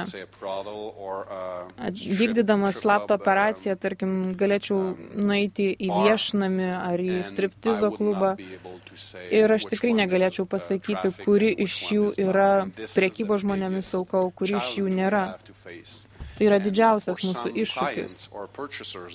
Kai kuriems seksualinių paslaugų pirkėjams, kuriuos mes norėtume nubausti, jie galėtų tą patį pasakyti. Nu, aš tikrai ne, ne, neįsigyčiau seksualinių paslaugų iš mergaitės, kuri tapo prekybo žmonėmis auka. Ir man atrodo, kad jai tiesiog patiko tokias paslaugas teikti. Bet tai juk nėra tiesa. Tiesa yra tokia, kad moteris, kurios tampa priekybo žmonėmis um, aukomis, turigi apsimesti, kad jos neprieštarauja, kad joms patinka teikti seksualinės paslaugas, nes tai tą verčia jas daryti jų savadautojas. Nes jos privalo uždirbti kiek galima daugiau pinigų savadautojams. Tad tą būtina suprasti. Ir kitas dalykas, vykdadami mokymus,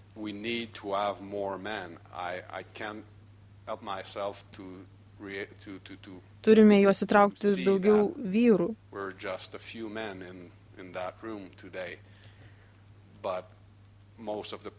Dažniausiai seksualinės paslaugas įsigyja vyrai. Tad mums reikia, kad atsirastų vis daugiau vyrų, kurie viešai pasakytų, kas yra tie tikrieji seksualinių paslaugų pirkėjai.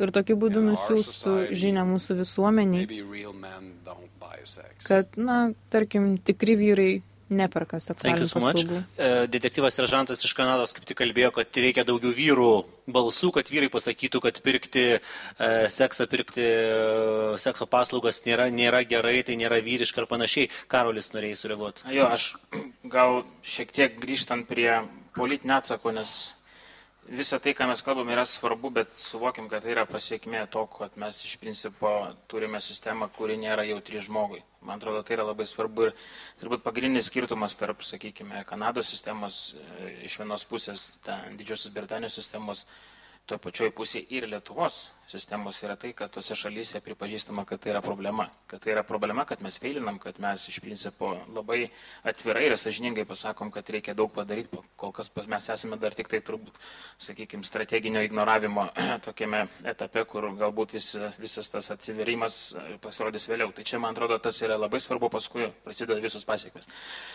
Dabar kitas dalykas, kuris labai svarbus, yra mūsų kriminal, kriminalinis baudžiamasis kodeksas yra lankstus ir pakankamai platus, kitaip tariant, pas mus savokoje, apibrėžime e, priekybos žmonėmis yra labai aiškiai pasakyta, kad jeigu yra pažeidžiamumo išnaudojimas, tai gali būti forminama kaip e, e, priekyba žmonėmis. Tai va čia yra esminis dalykas ir aš čia matau labai didelę problemą, kurią galima sakyti, kad tai yra teismų interpretacija ir prokurorų interpretacija ir gali būti policijos pareigūnų interpretacija. Dėl to, kad jeigu jūs paimsit tą, ką pasakoja tik kolega Audrius apie, sakykime, darbo teisės išnaudojimus, tai psichologinė prasme ir socialinė prasme jau tai aš iškart sakau, kad tai yra priekyba žmonėms. Ir ta prasme, lygiai tą patį pavyzdį jūs įdėkite į britišką kontekstą, kuriame jūs pamatysite, kad taip, tokiu būdu žmonės yra po truputėlį įstumami į psichologinę duoklę, įstumiami į e, tam tikras, e, sakykime, skolas, kada tau nuskaito pinigų dalį nedekvačiai didelę už tai, kad tau suteikia kažkokį tai karavaną, kuriame tu gyveni dar su 25 žmonėms ir tokiu būdu tave įstumia į tokį vadinamą private bondage, arba kitaip tariant, skolą ir tai jau yra pažeidžiamumo išnaudojimas. Ir ne tik tai tai. Ir kada mes kalbam apie darbuotojus migrantus, pažeidžiamumas yra jų teisinis statusas. Kitaip tariant, kada tu šantažuodama žmogų už tai, kad tu panaikinęs jo teisinį statusą, darbo santykius, tu per tris dienas jisai turės išvažiuoti iš šalies arba, arba bus įspirtas lauk. Tai jau yra viena iš priekybos žmonėmis indikatorių ir į tai mums reikia žiūrėti. Šiandieną mes į tai absoliučiai nežiūrime, žiūrime visiškai schematiškai. Dėl to, kad visos šitos detalės, jeigu jūs pasižiūrėsite į užsienį, kaip tai atrodo, tai yra jau indikatoriai. Nesakau, kad tai iš karto turi būti pasakyta, kad tai priekybos žmonėmis forma, bet tai jau yra indikatoriai, kad tai yra tavo pažeidžiamų išnaudojimas. Ir vienas iš geriausių pavyzdžių yra buvo mano prieš du metus darytas tyrimas apie efektyvės santokas. Nuo 2004 metų mes visi kalbėjom, kad fiktyvi santoka tai nusikaltimas prieš valstybę, nes tai yra e, migracijos teisės pažeidimas. Tačiau po dešimt metų Lietuva atsibūdo ir mes turime kelis, arba turėjome kelis atvejus, kada fiktyvi santoka buvo laikoma prekybo žmonėmis forma. Dėl to, kad pradedama suvokti, kad verbavimo perspektyvoje tai nėra lygiavertė susitarimas tarp vieno ar kito žmogaus padaryti fiktyvę santoką. Tai yra pažeidžiamumų išnaudojimas ir tame jautriame pažeidžiamumo kontekste žmonėmis yra manipuliuojama ne tik tai socialiai, ekonomiškai, bet ir psichologiškai. Ir čia labai yra svarbus dalykas, kad tas pažeidžiamumo išnaudojimas, jisai yra gajus visur. Ir jeigu mes kalbam apie Lietuvos kontekstą, kur 22 procentai žmonių gyvena arba skurdė arba ant skurdo ribos ir trečdalis vaikų gyvena skurdė arba ant skurdo ribos, va čia prasideda visa problema. Ir tada, kada tu prieini prie teisminių procesų, iki teisminio tyrimo, dėja atsitinka, kad pas mus skurdas yra normalizuojamas. Kitaip tariant, kai tu bandai pasakyti, kad šitoje arba kitoje vietoje mes turime žiūrėti į pažeidžiamumo išnaudojimą, į patį pažeidžiamumo kontekstą, nes jisai nėra toks pats. Skurdas Lietuvoje nėra skurdas Švedijoje. Ir absoliučiai skirtingi dalykai. Ir kai tada tu išgirsti iš teisėjo arba iš kitų, sakykime, policijos pareigūno, kad palaukit, 30 procentų Lietuvos taip gyvena Ir tada automatiškai mes suvokiam, tarsi mes per tą skurdo normalizavimą visiškai pamirštam apie tą bodžiamojam kodekse esančią labai labai svarbią detalę, tai yra pažydimų išnaudojimas. Man, man atrodo, tai yra labai svarbu ir čia jau teisinė prasme mes turime labai puikia, puikia, puikų pagrindą toliau dirbti. Klausimas, kiek tai yra atliepiama sekančiose praktiniuose etapuose ir kaip matom, kad labai dažnai tai yra net, nėra atpažįstama. Mr. Monchamp.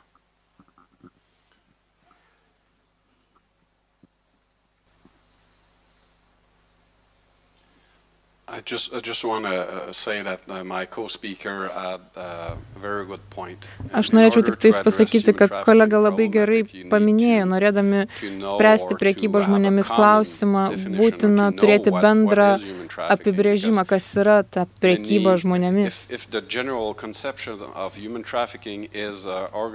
Jeigu priekyba žmonėmis yra suvokiama kaip organizuotas nusikaltimas, kurį vykdo organizuota nusikalstama grupuotė, kuri užsijima moterų iš įvairių šalių gabenimu, nelegalių gabenimų.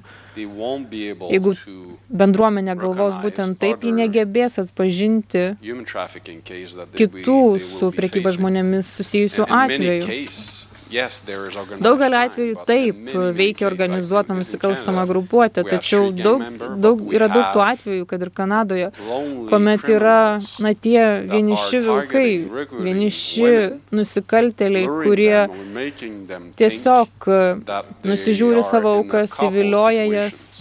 So for the women, she's in couple with that man. Dažnai tai yra vyrai, kurie E, susidraugauja su moterimi, ta moteris tampa jų partnerė, drauge. ir moteriai atrodo, kad ji yra tiesiog normaliuose, įprastuose santykiuose. Ir dažniausiai ji galvoja, jog jų pora susidūrusi su, su, su finansinėmis problemomis ir dėl to moteriai reikia ieškoti būdų, kaip uždirbti pinigų. Tačiau iš tikrųjų tai ir yra priekeivio tikslas. Jisai nebuvo priverstas jos pervežti iš vienos į kitą šalį, jis jos e, neva nevertė, tačiau jis iš tikrųjų ir yra priekeivis žmonėmis.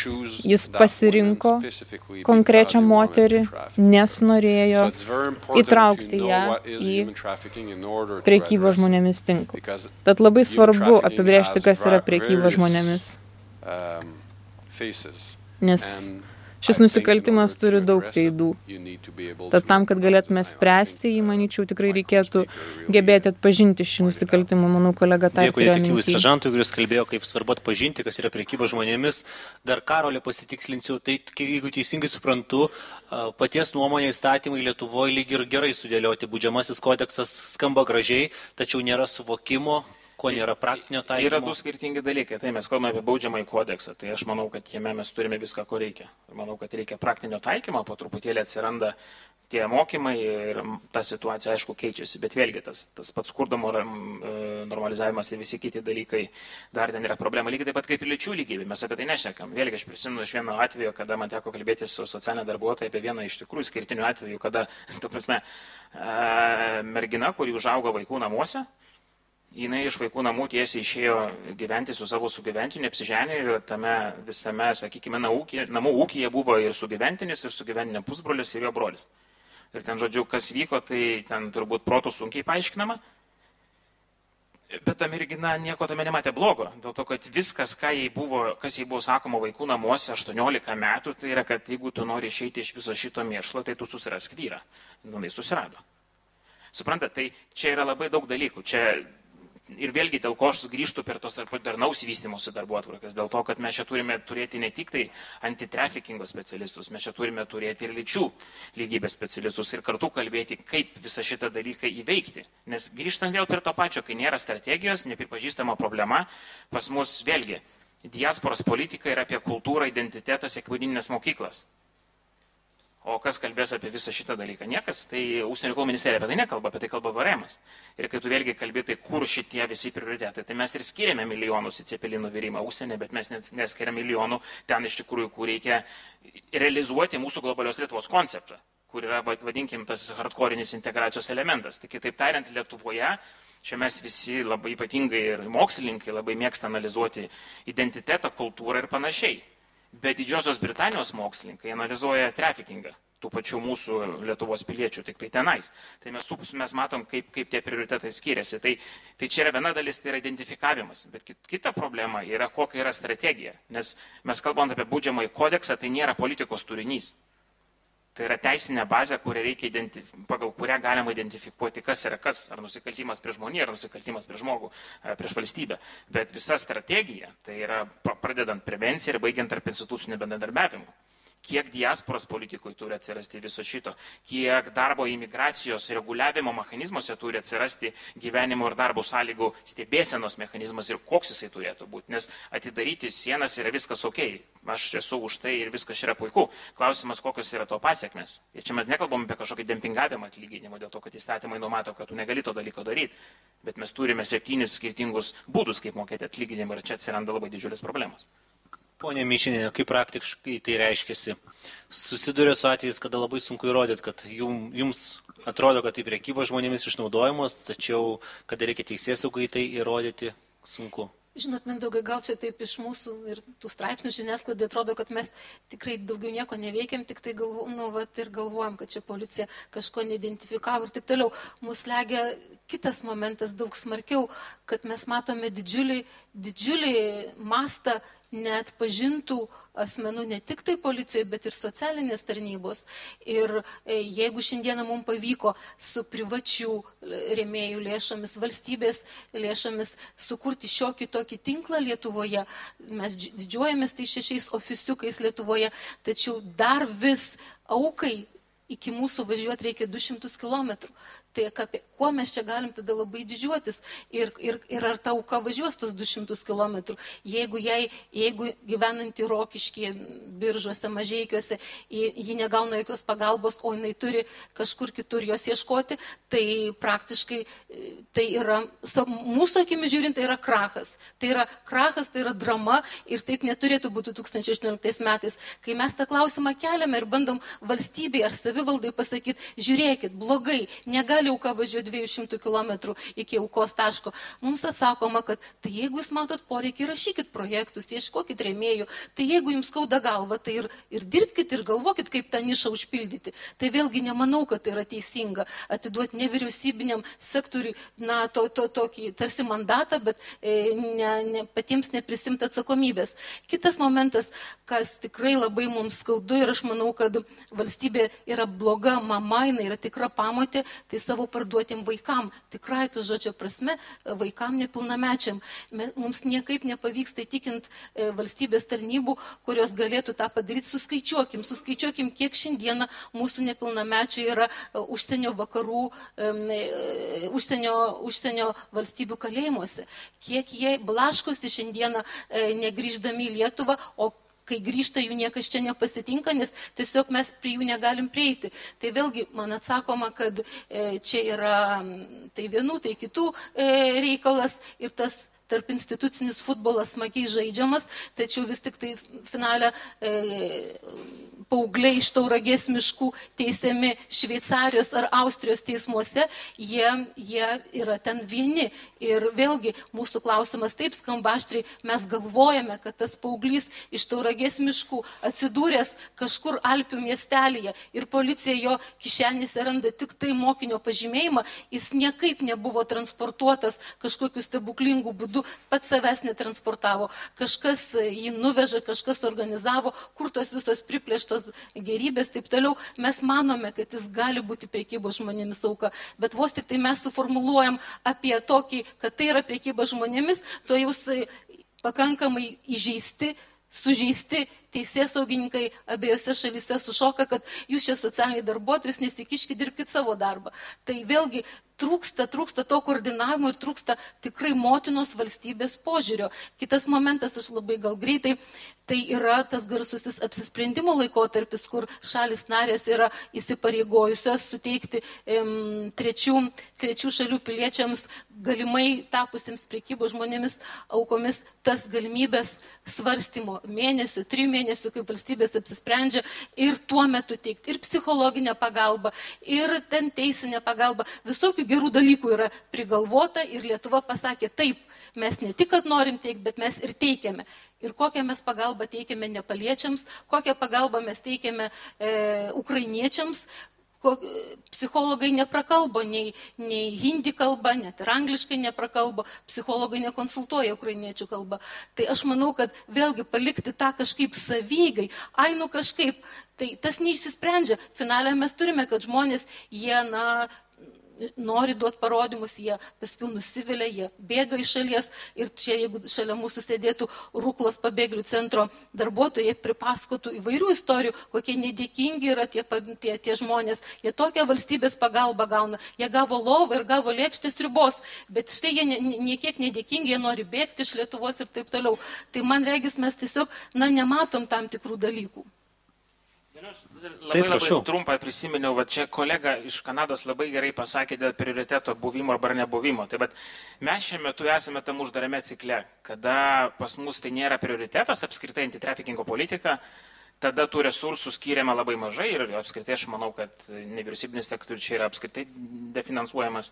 Ir automatiškai labai sudėtinga su tokiais žmogiškaisiais ištekliais išspausti didesnį atvejų skaičių ir tai yra uždaras ratas. Mano paskutinis pokalbis su vienu iš prokurorų Lietuvos, negaliu sakyti, kurio miesto, su vyriausiu prokuroru, sakau, ką jūs turite šiuo metu pas save prokuratūroje, sako, turime trys uh, žmonės, kurie dirba su, su šituo failu, bet kartu jie dirba ir su organizuotų nusikaltimų, ir su narkotikų prekyba, ir su prostitucija, ir kartu su prieky, nu, kova prieš prekybą žmonėmis. Tai aš klausiu, sakau, tai jeigu pas jūs būtų ne 3, o 10 žmonių, tai sakau, būtų kiek atvejų ne 5, sako, greičiausiai būtų gal 25, o sakau, jeigu būtų, sakau, 100 žmonių, sako, galbūt ir keli šimtai. Tai ta prasme, ir teisėjai sauga labai aiškiai pripažįsta, kad čia yra problema ir aš nemanau, kad čia reikėtų kaltinti teisėjai saugą. Čia yra problema ta, kad tų resursų nėra. Ir galiausiai dienos dienos pabaigoje, kada tų atvejų yra vos keliasdešimt, kaip tuo tarpu vien karitas susidarė su 300 per metus. Atsiprašau, ne karitas. Pa, pa, pa, su pirkyba žmonės centras, pamiršau. Ja. Tai, tai tada gaunasi taip, kad e, mes turime labai didžiulį skirtumą tarp oficialios statistikos, kas ateina iš valstybinio sektoriaus, ir iš nevyriausybinio sektoriaus, kuris yra 10-20 kartų didesnis. Ir aš nesakau, kad tas skaičius yra tikrų tikriausias, bet tas skirtumas yra aiškus ir kada kalbės su prokurorais, tu matai, kad pas juos tų resursų labai labai trūksta. Čia ne tik žinios. Aš manau, žinios ateina po truputėlį, mes tą matom. Bet man atrodo, problema yra pripažinti problemą, investuoti į resursus ir iš tikrųjų turėti na, kažkokį aiškesnę žinutę, ne tik žinutę, bet nuovoką, kas, kas vyksta. Labai gaila, kad čia neturim politikų arba institucijų atstovų, kurie galėtų spręsti šitą klausimą ar galėtų išgirsti, ką sako nevyriausybininkai ir savo srities specialistai. Vidaus reikalų ministerijos atstovė negalėjo dalyvauti, o vidaus reikalų ministerija, kaip žinome, Lietuvoje kūruoja šitą temą. Kreipiuosi į publiką, kas iš salės norėtų paklausti, pakomentuoti, pasisakyti.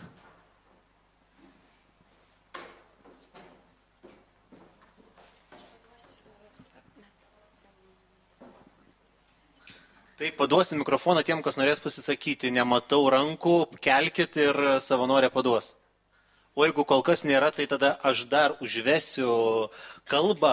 Kalbėjom apie sekso darbuotojus, kalbėjom apie ukrainiečius vežamus į Lietuvą, kalbėjom apie lietuvius vežamus, gal dar kažkuria grupę pamiršom. Kalbant apie Lietuvą. Jūs turit daugybę istorijų. Mes labai daug dalyvaujam. Vieną iš tokių pavyzdžių, aš turbūt jau ne vieną kartą papasakosiu apie tokį, kaip mes dabar įdomiai kovojam Šalčininkų rajone. Iš tikrųjų įdomi tokia kova vyksta Šalčininkų laušelį darželį Viturėlis.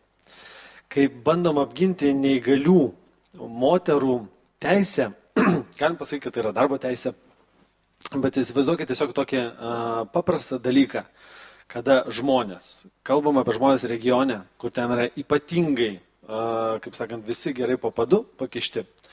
Ir kada daugelį metų, po, po, po daugelio metų aptikom, kad tame regione yra daug, daug metų netaikomas, tarkim, tas pats darbo kodeksas, sakykime, ne? Kada tu kalbi su tais pačiais, su tais pačiais administracijos atstovais, su ta pačia savivaldybė ir tu kalbi apie žmogaus teisę į tą patį atlyginimą, kada administracijos atstovai gali paimti ir žiniarašius, paimti ir tiesiog pakeisti už tris metus ir pasakyti, kad jums tas niekas nepriklauso. Kada ginant tą pačią šeimininkėlę, tu skiri advokatui 3000 eurų už tai, kad jinai tiesiog įrodytų, kad jinai turėjo pilną, būdama neįgali moteris. Dar penkios moteris lygiai dirba toj pačioj, tam pačioj įstaigoje, valstybinėje įstaigoje. Ir tu turi apginti jas, parodant, kad jinai nepabijotų ateiti tam pačiam rajone, kuriame vyksta ir tas pats teismas, ir įrodyti, Ir įrodyti, kad jinai turėjo pilną teisę. Ir atrodo, ir tie patys medikai, kurie atėjo, buvo ten išvados uh, teikiamos, kad, kad jinai gali normaliai dirbti ir viskas gerai. O esminė problema buvo tame, kad uh, toje įstaigoje su, jos sunus tapo profesinės sąjungos pirmininku. Ir kiek tokių žmonių buvo daroma psichosocialinės rizikos uh, vertinimas. Darbo toje pačioje vietoje. Buvo uh, tyrimas 18 žmonių sutiko ir parašė, kad tai yra anoniminė, ta prasme, buvo apklausa, 18 žmonių parašė iš 40 e, darbuotojų, kad būtų šaunu, jeigu būtų psichologo pagalba, sprendžiant problemas su administracija. Savivaldybė visiškai nemato jokių problemų. Buvo daroma su žurnalistė Miliutė, irgi buvo laida. Savivaldybės tiesiog atstovė pasakė, ha, pagalvosi, 40 eurų buvo bauda už trijų metų pažeidimus. Jie nemato pažeidimo, jie mato 40 eurų, tai mes susimokėsim, čia jokių problemų nėra. Ir tarpame daugelio atveju, kada tu pradedi kalbėti, visi stebi tame regione, tarkim, to pačio darželio dramą. Jis jau tęsi pusantrų metų. Kada bandai e, daryti, buvo dabar jau trečias iki teisminis tyrimas vyksta. Tiesą pasakius, du buvo vis nuolat atmetami, nes niekas niekada nieko nemato ir, ta prasme, kiek tu dokumentų beneštum, tą pačią darbo inspekciją, kada tu atveži iš trečio karto, pats atvažiuodamas į darželį, kad identifikuotų tuos pažeidimus, apie ką tu šneki. Tau tiesiog nesumoka ir dar tave pušina, kaip sakant, tame, kad tu net neturėtum teisės kreiptis.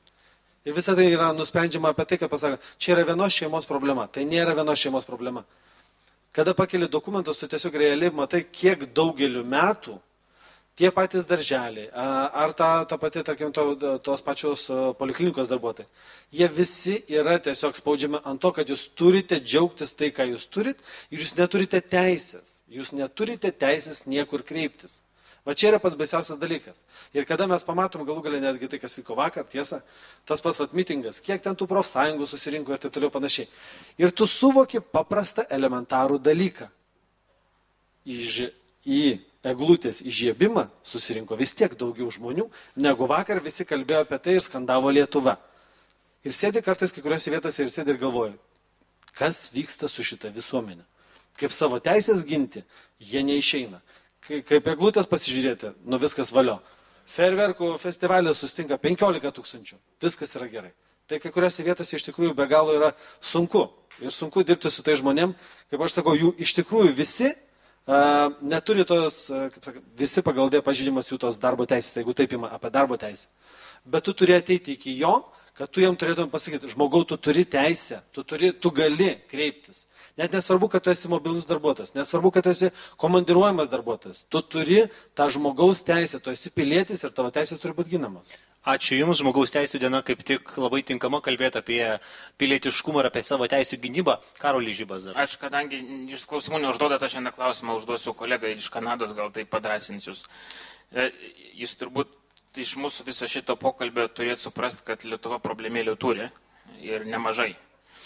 E, ir mano, iš, tokia, viena, viena iš, nu, mano nuomonė yra tokia, kad viena iš problemų dar taip pat yra, e, sakykime, dalis tos institucinės subordinacijos, kitaip tariant, E, pas mus Lietuvoje ta pati institucija, kuri vykdo kovos prieš priekybą žmonėmis politiką, jinai taip pat yra, kabutėse, nepriklausomas pranešėjas. Tai kitaip tariant, Lietuvoje su visu šituo problematikos kuokštu mes e, turime priklausomą pranešėją, kuris yra iš tos pačios institucijos, kuris tą politiką įgyvendina.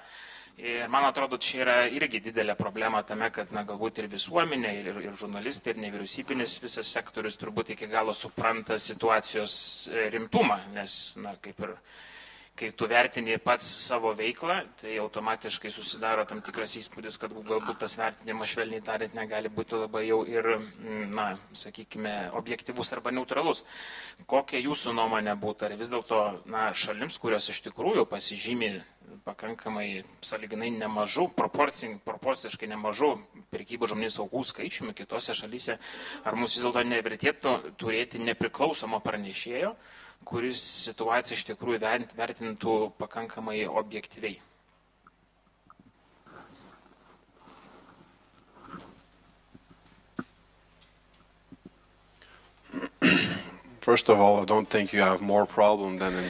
Na, žinot, nemanau, kad jūs turėtumėte daugiau problemų, negu kad mes turime Kanadoje, daugeliu klausimų.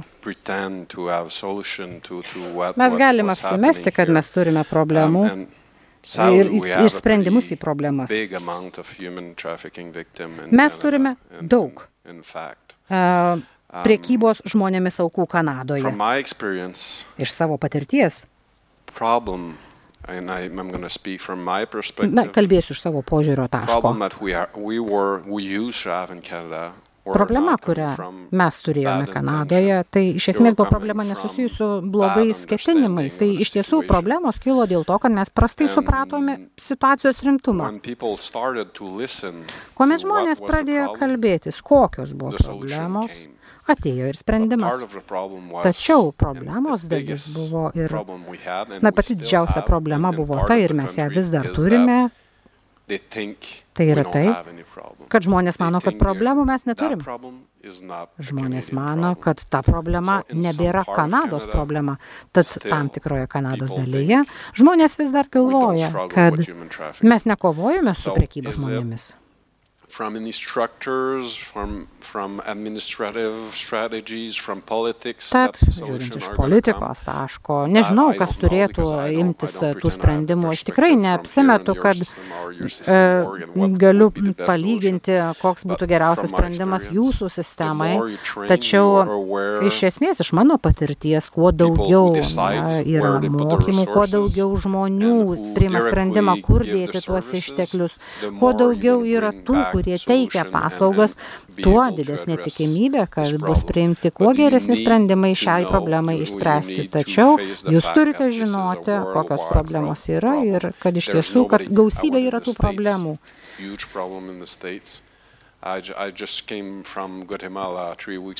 Aš pats iš prieš tris savaitės grįžau iš Gvatemalos.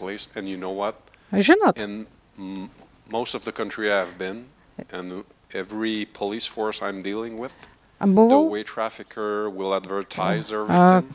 buvau susitikęs su daugelio policijos departamentų, kalbėjomės apie prekybą žmonėmis. Aš tiesiog atlikau nedidelį tyrimą ir pasižiūrėjau, kad yra tam tikrų paralelių tarp Guatemalos ir Montrealio Kanadoje. Tad, na, tarsi mačiau tų tokių panaš, panašumų. Mačiau, kad a, reklamuojami panašus dalykai, kalbant apie priekybą žmonėmis, kad rinka yra irgi tarsi tokia pati. Tad nors ir lygintume šalis, atrodytų, kad jos skirtingos, tačiau bet kokiu atveju kiekviena šalis turi ieškoti sprendimų konkrečių savo šaliai. Ir aš spėju.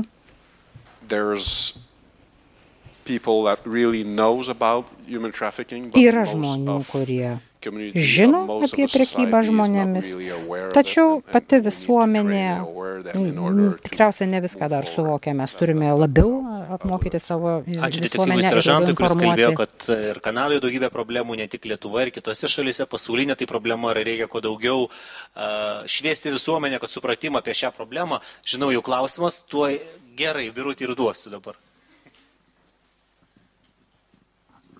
Atsiprašau, gal šiek tiek jau kalbėjote apie tai, bet e, kalbėjote apie baudžiamąjį kodeksą, bet aš noriu paklausti, administracinių nusižengimų kodeksą mes dar turime, pagal kurį e, baudžiama tiek besinaudojantis pas prostitucijos paslaugomis, ne va tiek teikiantis tas paslaugas asmuo. Bet e, pagal skaičius mes turime tokią disproporciją, kuri yra visiškai nedekvati. Tai netgi jeigu mes nenaikiname baudimo į prostituciją įtrauktų asmenų, kaip tada traktuoti tai, kad e, nubaudžiama septynis kartus berots daugiau, ar kiek e, pagal paskutinius, nežinau, šitų metų, paskutinių metų, nežinau, statistikos, bet žiūrint nuo, nežinau, 2010 metų, tai tiesiog tūkstančiai neva prostitucijos paslaugas teikusių asmenų.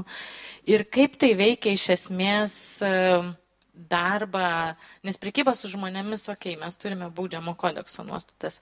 Kaip tai veikia šitas visas baudimas, apskritai galimybė atrasti, kurie asmenys yra įtraukti į prekybą žmonėmis ar nėra įtraukti, kai mes juos įstumėm į dar pažeidžiamesnę poziciją. Gal Kristinai? Tikrai įdomu, kad man jis adresuojamas. Aš, ne, tikrai, aš manau, va čia jūsų klausimas ir kad beveik nėra kam atsakyti, tai rodo, kad galbūt pranešėjas, pranešėjas turėjo dalyvauti čia varemas ar ne, bet nėra ir turime prokurorę Gabiją. Bet prieš jai atsakant į šitą klausimą, tai aš norėčiau pasakyti, kad prokurorė Gabė tai yra viena iš nedaugelio prokurorių Lietuvoje, kuri yra aštri kaip, kaip titnagas ir daugybė nusikaltelių pasuntus už grotų. Tai mano klausimas irgi buvo jai, vat, ar jaučiat kokį pasitenkinimą iš šito darbo ar ne, bet dar yra, bet ir birutės klausimas. Tai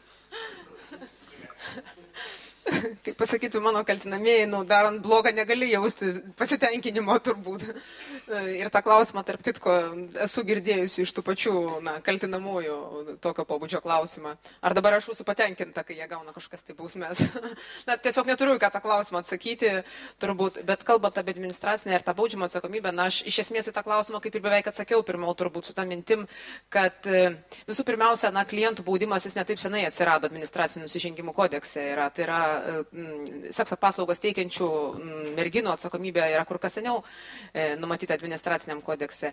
Ir, na, mano manimu, aš tai galiu savo manimą pasakyti, kadangi vėlgi su administraciniais nusižengimais nedirbu, tai yra tai, kad iš tiesų e, policija yra įpareigota e, gaudyti pažeidėjus, sakykime taip, kur, kur numatyta atsakomybė yra administracinių nusižengimų kodekse. Tame tarpe merginas ar klientus. Kadangi, na, turbūt e, surinkti duomenys ir įrodymus administracinio nusižengimo bylai, ir, e, sakykime, perkant merginos paslaugas yra kur kas lengviau ir paprasčiau, negu tą padaryti, e, na, su klientu kadangi, na, e, su mergina gali policininkas, sakykime taip, turbūt eiti į susitarimą kažkokį darką ir iš to suprasti, nu, ir, ir surinkti duomenis, būtent įrodymus tai administracinio nusižengimo bylai. Tuo tarpu su klientu e, įrodyti kaltę, nu, praktiškai jo turbūt tik tai įmanoma merginai bendradarbiaujant ir tam klientui prisipažįstant. Na, jeigu klientas neprisipažįsta, galbūt dar e, tas paslaugas teikianti mergina kažką papasakotų. Tačiau tokiu atveju vėlgi, nu, jį kažkaip tai reikia užfiksuoti, tuo tarpu e, supraskim taip, kad, e, na, pagal skelbimus, kai merginos dirba ir priminėja e, klientus, paprastai tuo pačiu metu nepriima daugiau klientų. Tai yra vienas klientas, uždara patalpa, kurioje visa tai vyksta ir na, pareigūnas tokių dalykų praktiškai užfiksuoti neturi galimybių. Jeigu tai būtų, sakykime, baudžiamojo proceso sfera, kaip minėjau, tų priemonių planas būtų kur kas platesnis.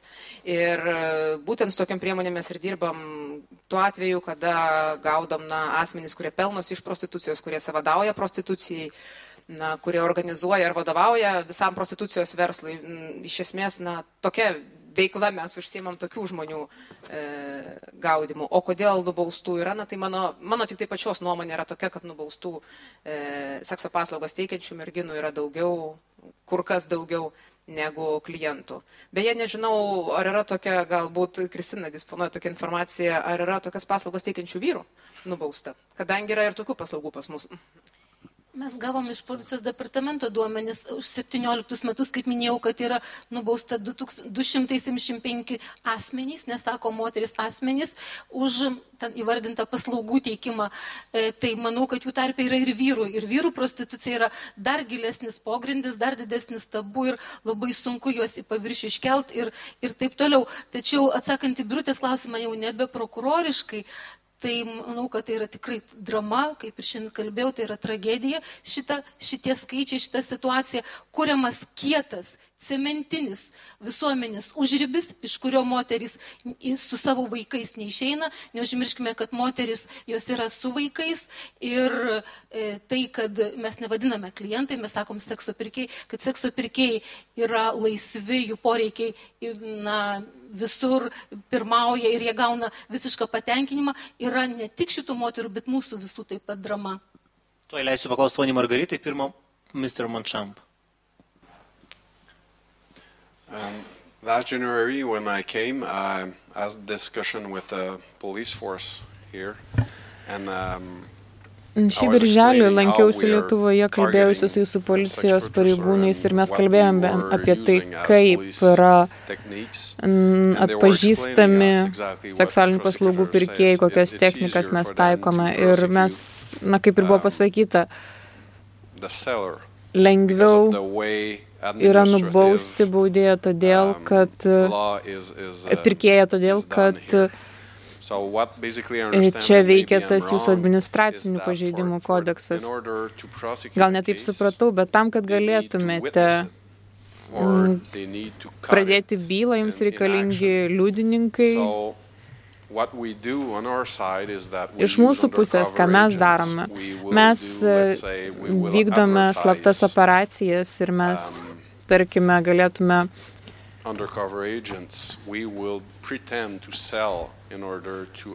apsimesti e, prostitutę ir parduoti seksualinės paslaugas. Tokiu būdu galėtume vykdyti slaptą operaciją. Kiek žinau, Lietuvoje jūs to negalite daryti. Būtent todėl, jeigu gerai suprantu, jums yra sunku nubausti seksualinių paslaugų pirkėjus, būtent dėl jūsų turimo įstatymo. So, but that's a part of, of understanding I had. But, uh, Na, yeah. Aš, aš taip suprantu, kai, kad pas jūsų situacija yra tokia. Ar dar bus kažkas iš salės norinčių paklausti, pasisakyti? Margarita, jums labai trumpai, prašau.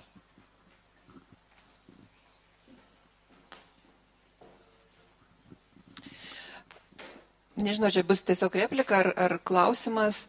Ar jums netrodo, kad mes neišjudėsim iš mirties taško, jeigu mes iš esmės nepradėsim keisti kalbos, kurią mes vartojame, kada kalbam apie modernę vergyją? Nes įspūdis susidaro toks, kad kai problemos nenori matyti, tada viskas tampa e, darbiniais santykiais, nesvarbu, ar tai būtų užsieniečių išnaudojimas tuose sunkvežimiuose, ar tarkim mes kalbam apie į prostituciją įtrauktų žmonės ir staiga pasigirsta tokios savokos kaip paslaugų tiekimas, e, merginų darbas, ten ar verslas, ar dar kažkokie tai tokie dalykai. Turėtumėm apie tai kalbėti, kad tai yra nusikaltimas Ir man atrodo, tada ir visuomenės požiūris į tą reiškinį keistusi ir yra vilties, kad galbūt ir tie na, valstybės institucijų atstovai, kurie atsakingi už tos problemos sprendimą, nu, jie kažkaip kitaip pradėtų galvoti. Nes kai yra darbo santykiai, tai pas musgi darbo santykiai nu, viską pateisina. Labai, labai trumpai. Aš tik tai Karoliu norėjau padėkoti, nes jeigu mes apie priežastis nekalbam ir nedarom strategijos, o strategija čia yra tik tai kalbėti apie lyčių neligybę, nes ypač prostitucija ir ypač moterų išnaudojimas priekybo žmonėmis vat, laukia, tai yra šita priežastis ir jeigu mes čia nesprendžiam, tai mes kaip ir su smurto artimoje aplinkoje, mes problemos nesprendžiam. Ačiū, Karoliu. Taigi, ačiū diskusijos dalyviams, labai ačiū svečiams, specialistams, kurie kalbėjot, pasakojot ir pasidalinot savo išvalgom. Ačiū tiems, kurie klausėsi ir tikėkime, kad kitą kartą, kaip kalbėsim, ir, ir ta leksika mūsų skirsis ir gal bus tie pareigūnai ir valdžios institu, institucijos girdės, kurios turi galimybę imti sprendimų ir keisti požiūrį. Dėkui.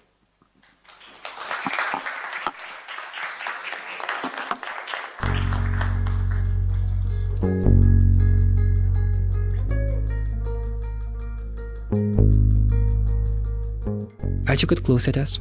Antrasis įrašas iš žmogaus teisų forumo bus apie tautinės mažumas Lietuvoje. Jo pasidalinsime kelių dienų bėgyje, sekite naujienas NileLT ir Nanuk Facebook'e. O taip pat užsukite į Nailą podcast'o parodą Martina Mašvito bibliotekoje. Ji ten veiks iki pat kovo 15-osios. Iki. thank you